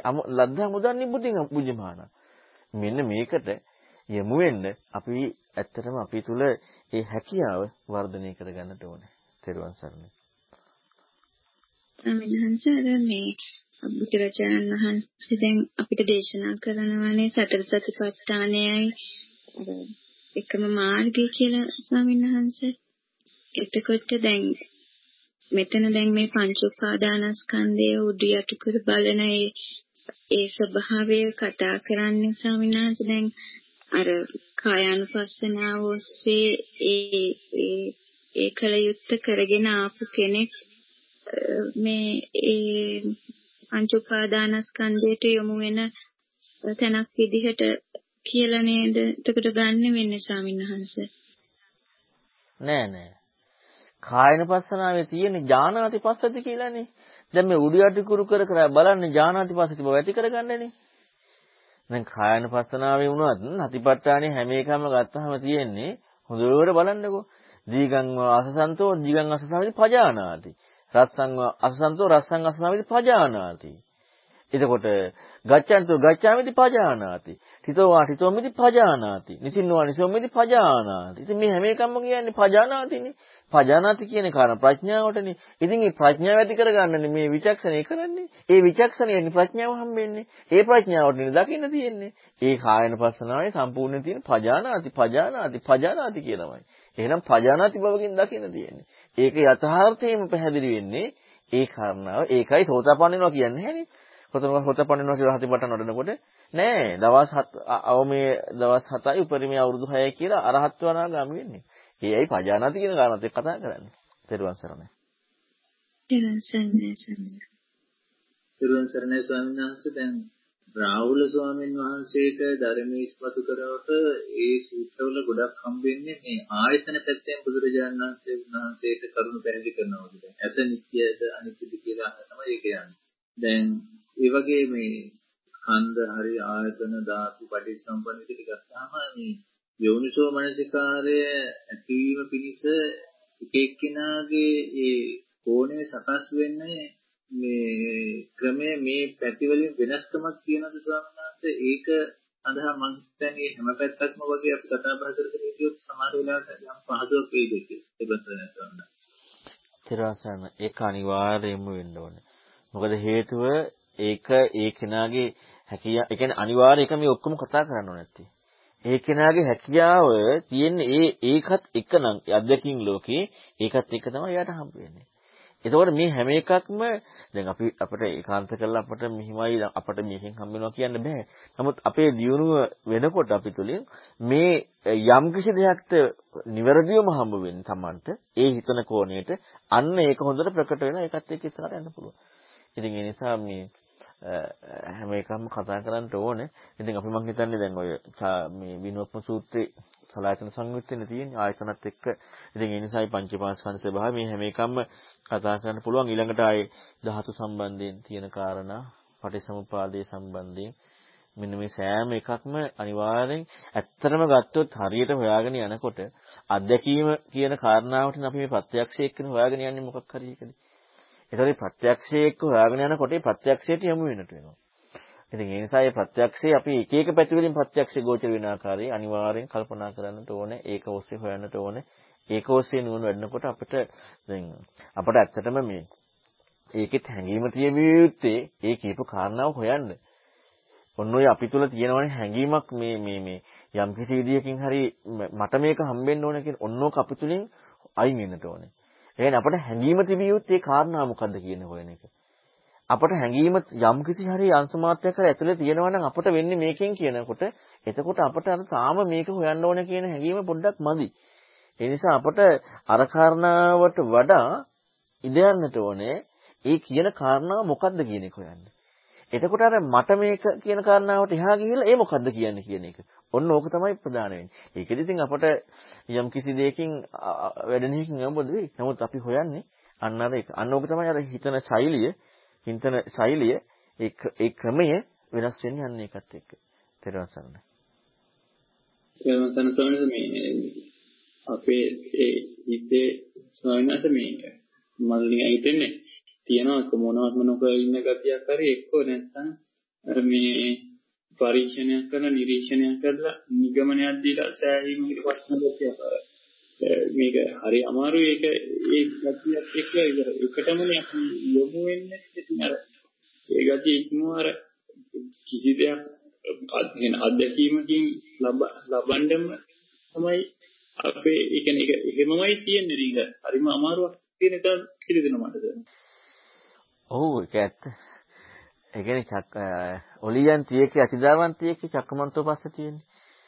අප ඊළඟට ඉරසං මත බස්සාම බ්‍රාහ්මණම් පරිණි බොඩන් අපතිත්තං අනායවන් තින්නන් ලෝක විසත් එක. ඒ කියන්නේ අපතිත්ත අනායු වෙන්නට ඕනනේ. පිහිටා වෑයම් කිරීම. පිහිටනවා වෑයම් කරනවා. ඔය දෙක නෙවෙන්නේ.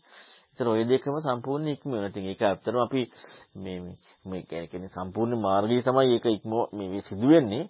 නමුත් අපි තුල මාර්ගය ඇතවීමට මත්ෙන් හැකියාවකුත් තියෙනවානේ. අන්නේ හැකියාවට අපි ඔය කාරණාව ඔස්සේ එකයි මේ මේ ඒ කාරණාව අපි හරියට හොයන එකේ වැදගත්කම තියෙන්නේ එවැනි දෙයක් මේ පෙන්වන්නේ කියනකොට එවැනි දෙයක ස්වභාවයක් අපි චින්තනය වෙනස් කරගන්නට ඕනේ. හොයන්න කියලා දෙන දේ අපි හොඳට බැලුවොත් ඒකේට අදාළව චින්තනය වෙනස් කරමින් හොයන්නට ඕනේ. එහෙම හොයනකොට ඇත්තටම අර මේ ඒ ඒ ඒ ධහම අවබෝධ කරගන්න හැකියාවක් අන්න තමා තුළ ගොඩනගෙනවා.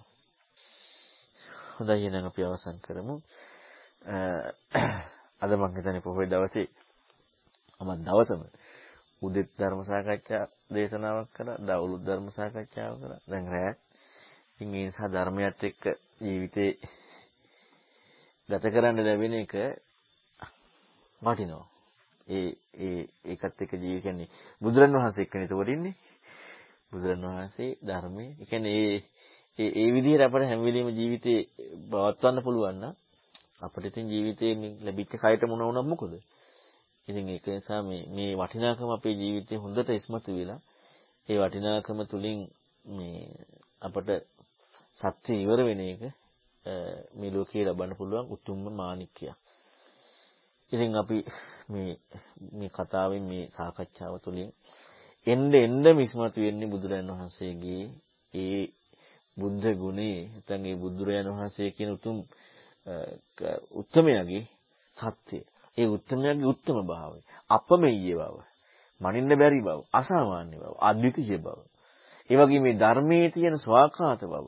සම්දිත්තික බව. අසාමාන්‍ය බව හම්බ වෙන්නේ. ඉතින් ඒක ඒකාන්තයෙන් සත්‍යයි. බුදුරන් වහන්සේගේ අසාමාන්‍ය අසාමාන්‍ය බව ඒකාන්තයෙන් සත්‍යයි. ධර්මයේ අසාමාන්‍ය බව ඒකාන්තයෙන් සත්‍යයි. ඒ පිළිවෙතට යමු වෙච්චා. ඒ පිළිවෙතට කියනකොට ඒක කොහොමද? නිකන් අපි අර සුපටිපන්න කියන වචනෙට එහා ගිහිල්ලා වචනයක් නේ ඒක. මේකේ පිළිවෙතට යමු වීම අසාමාන්‍ය නැද්ද? මේකේ පිළිවෙතට යමු වීම අසාමාන්‍යයි. එතකොට එහෙනම් ඒ බුද්ධ ගුණේ බුද්ධ බුදුරන් වහන්සේගේ සත්‍ය ධර්මයේ සත්‍ය ඒ පිළිවෙලට යමු වීම අසාමාන්‍යයි. මේක ඇත්තටම සත්‍යයක්. ඉතින් මේ සත්‍යානුභාවයෙන් ඒ වගේම අවංකවම මේ ධර්මයේ කසාකච්ඡා කරන්නේ. ඉතින් මේ ඒ සත්‍යානුභාවයෙන් අපි තුල හටගන්න මෛත්‍රී සත්‍යානුභාවයෙන් ඒ වගේම ඔබ සෑම දිනා තුළම හටගත්තේ දහම් ප්‍රමුදිත භාවයේ හට ගැනීම තුලින් හටගත් සත්‍යය. ඒ වගේම මේ ඒ පුණ්‍ය ශක්තිය මේ සියලු සත්‍යානුභාවයෙන් මේ ලෝකේ උදා වී තිබෙන මේ ශ්‍රී ලංකාවේ උදා වී තිබෙන මේ සියලු වසංගත ස්වභාවයන් දුරු වී සියලු දෙනාට සතුටින් ඉන්න හැකියාව ලැබේවා. ත්වන් සරණයි.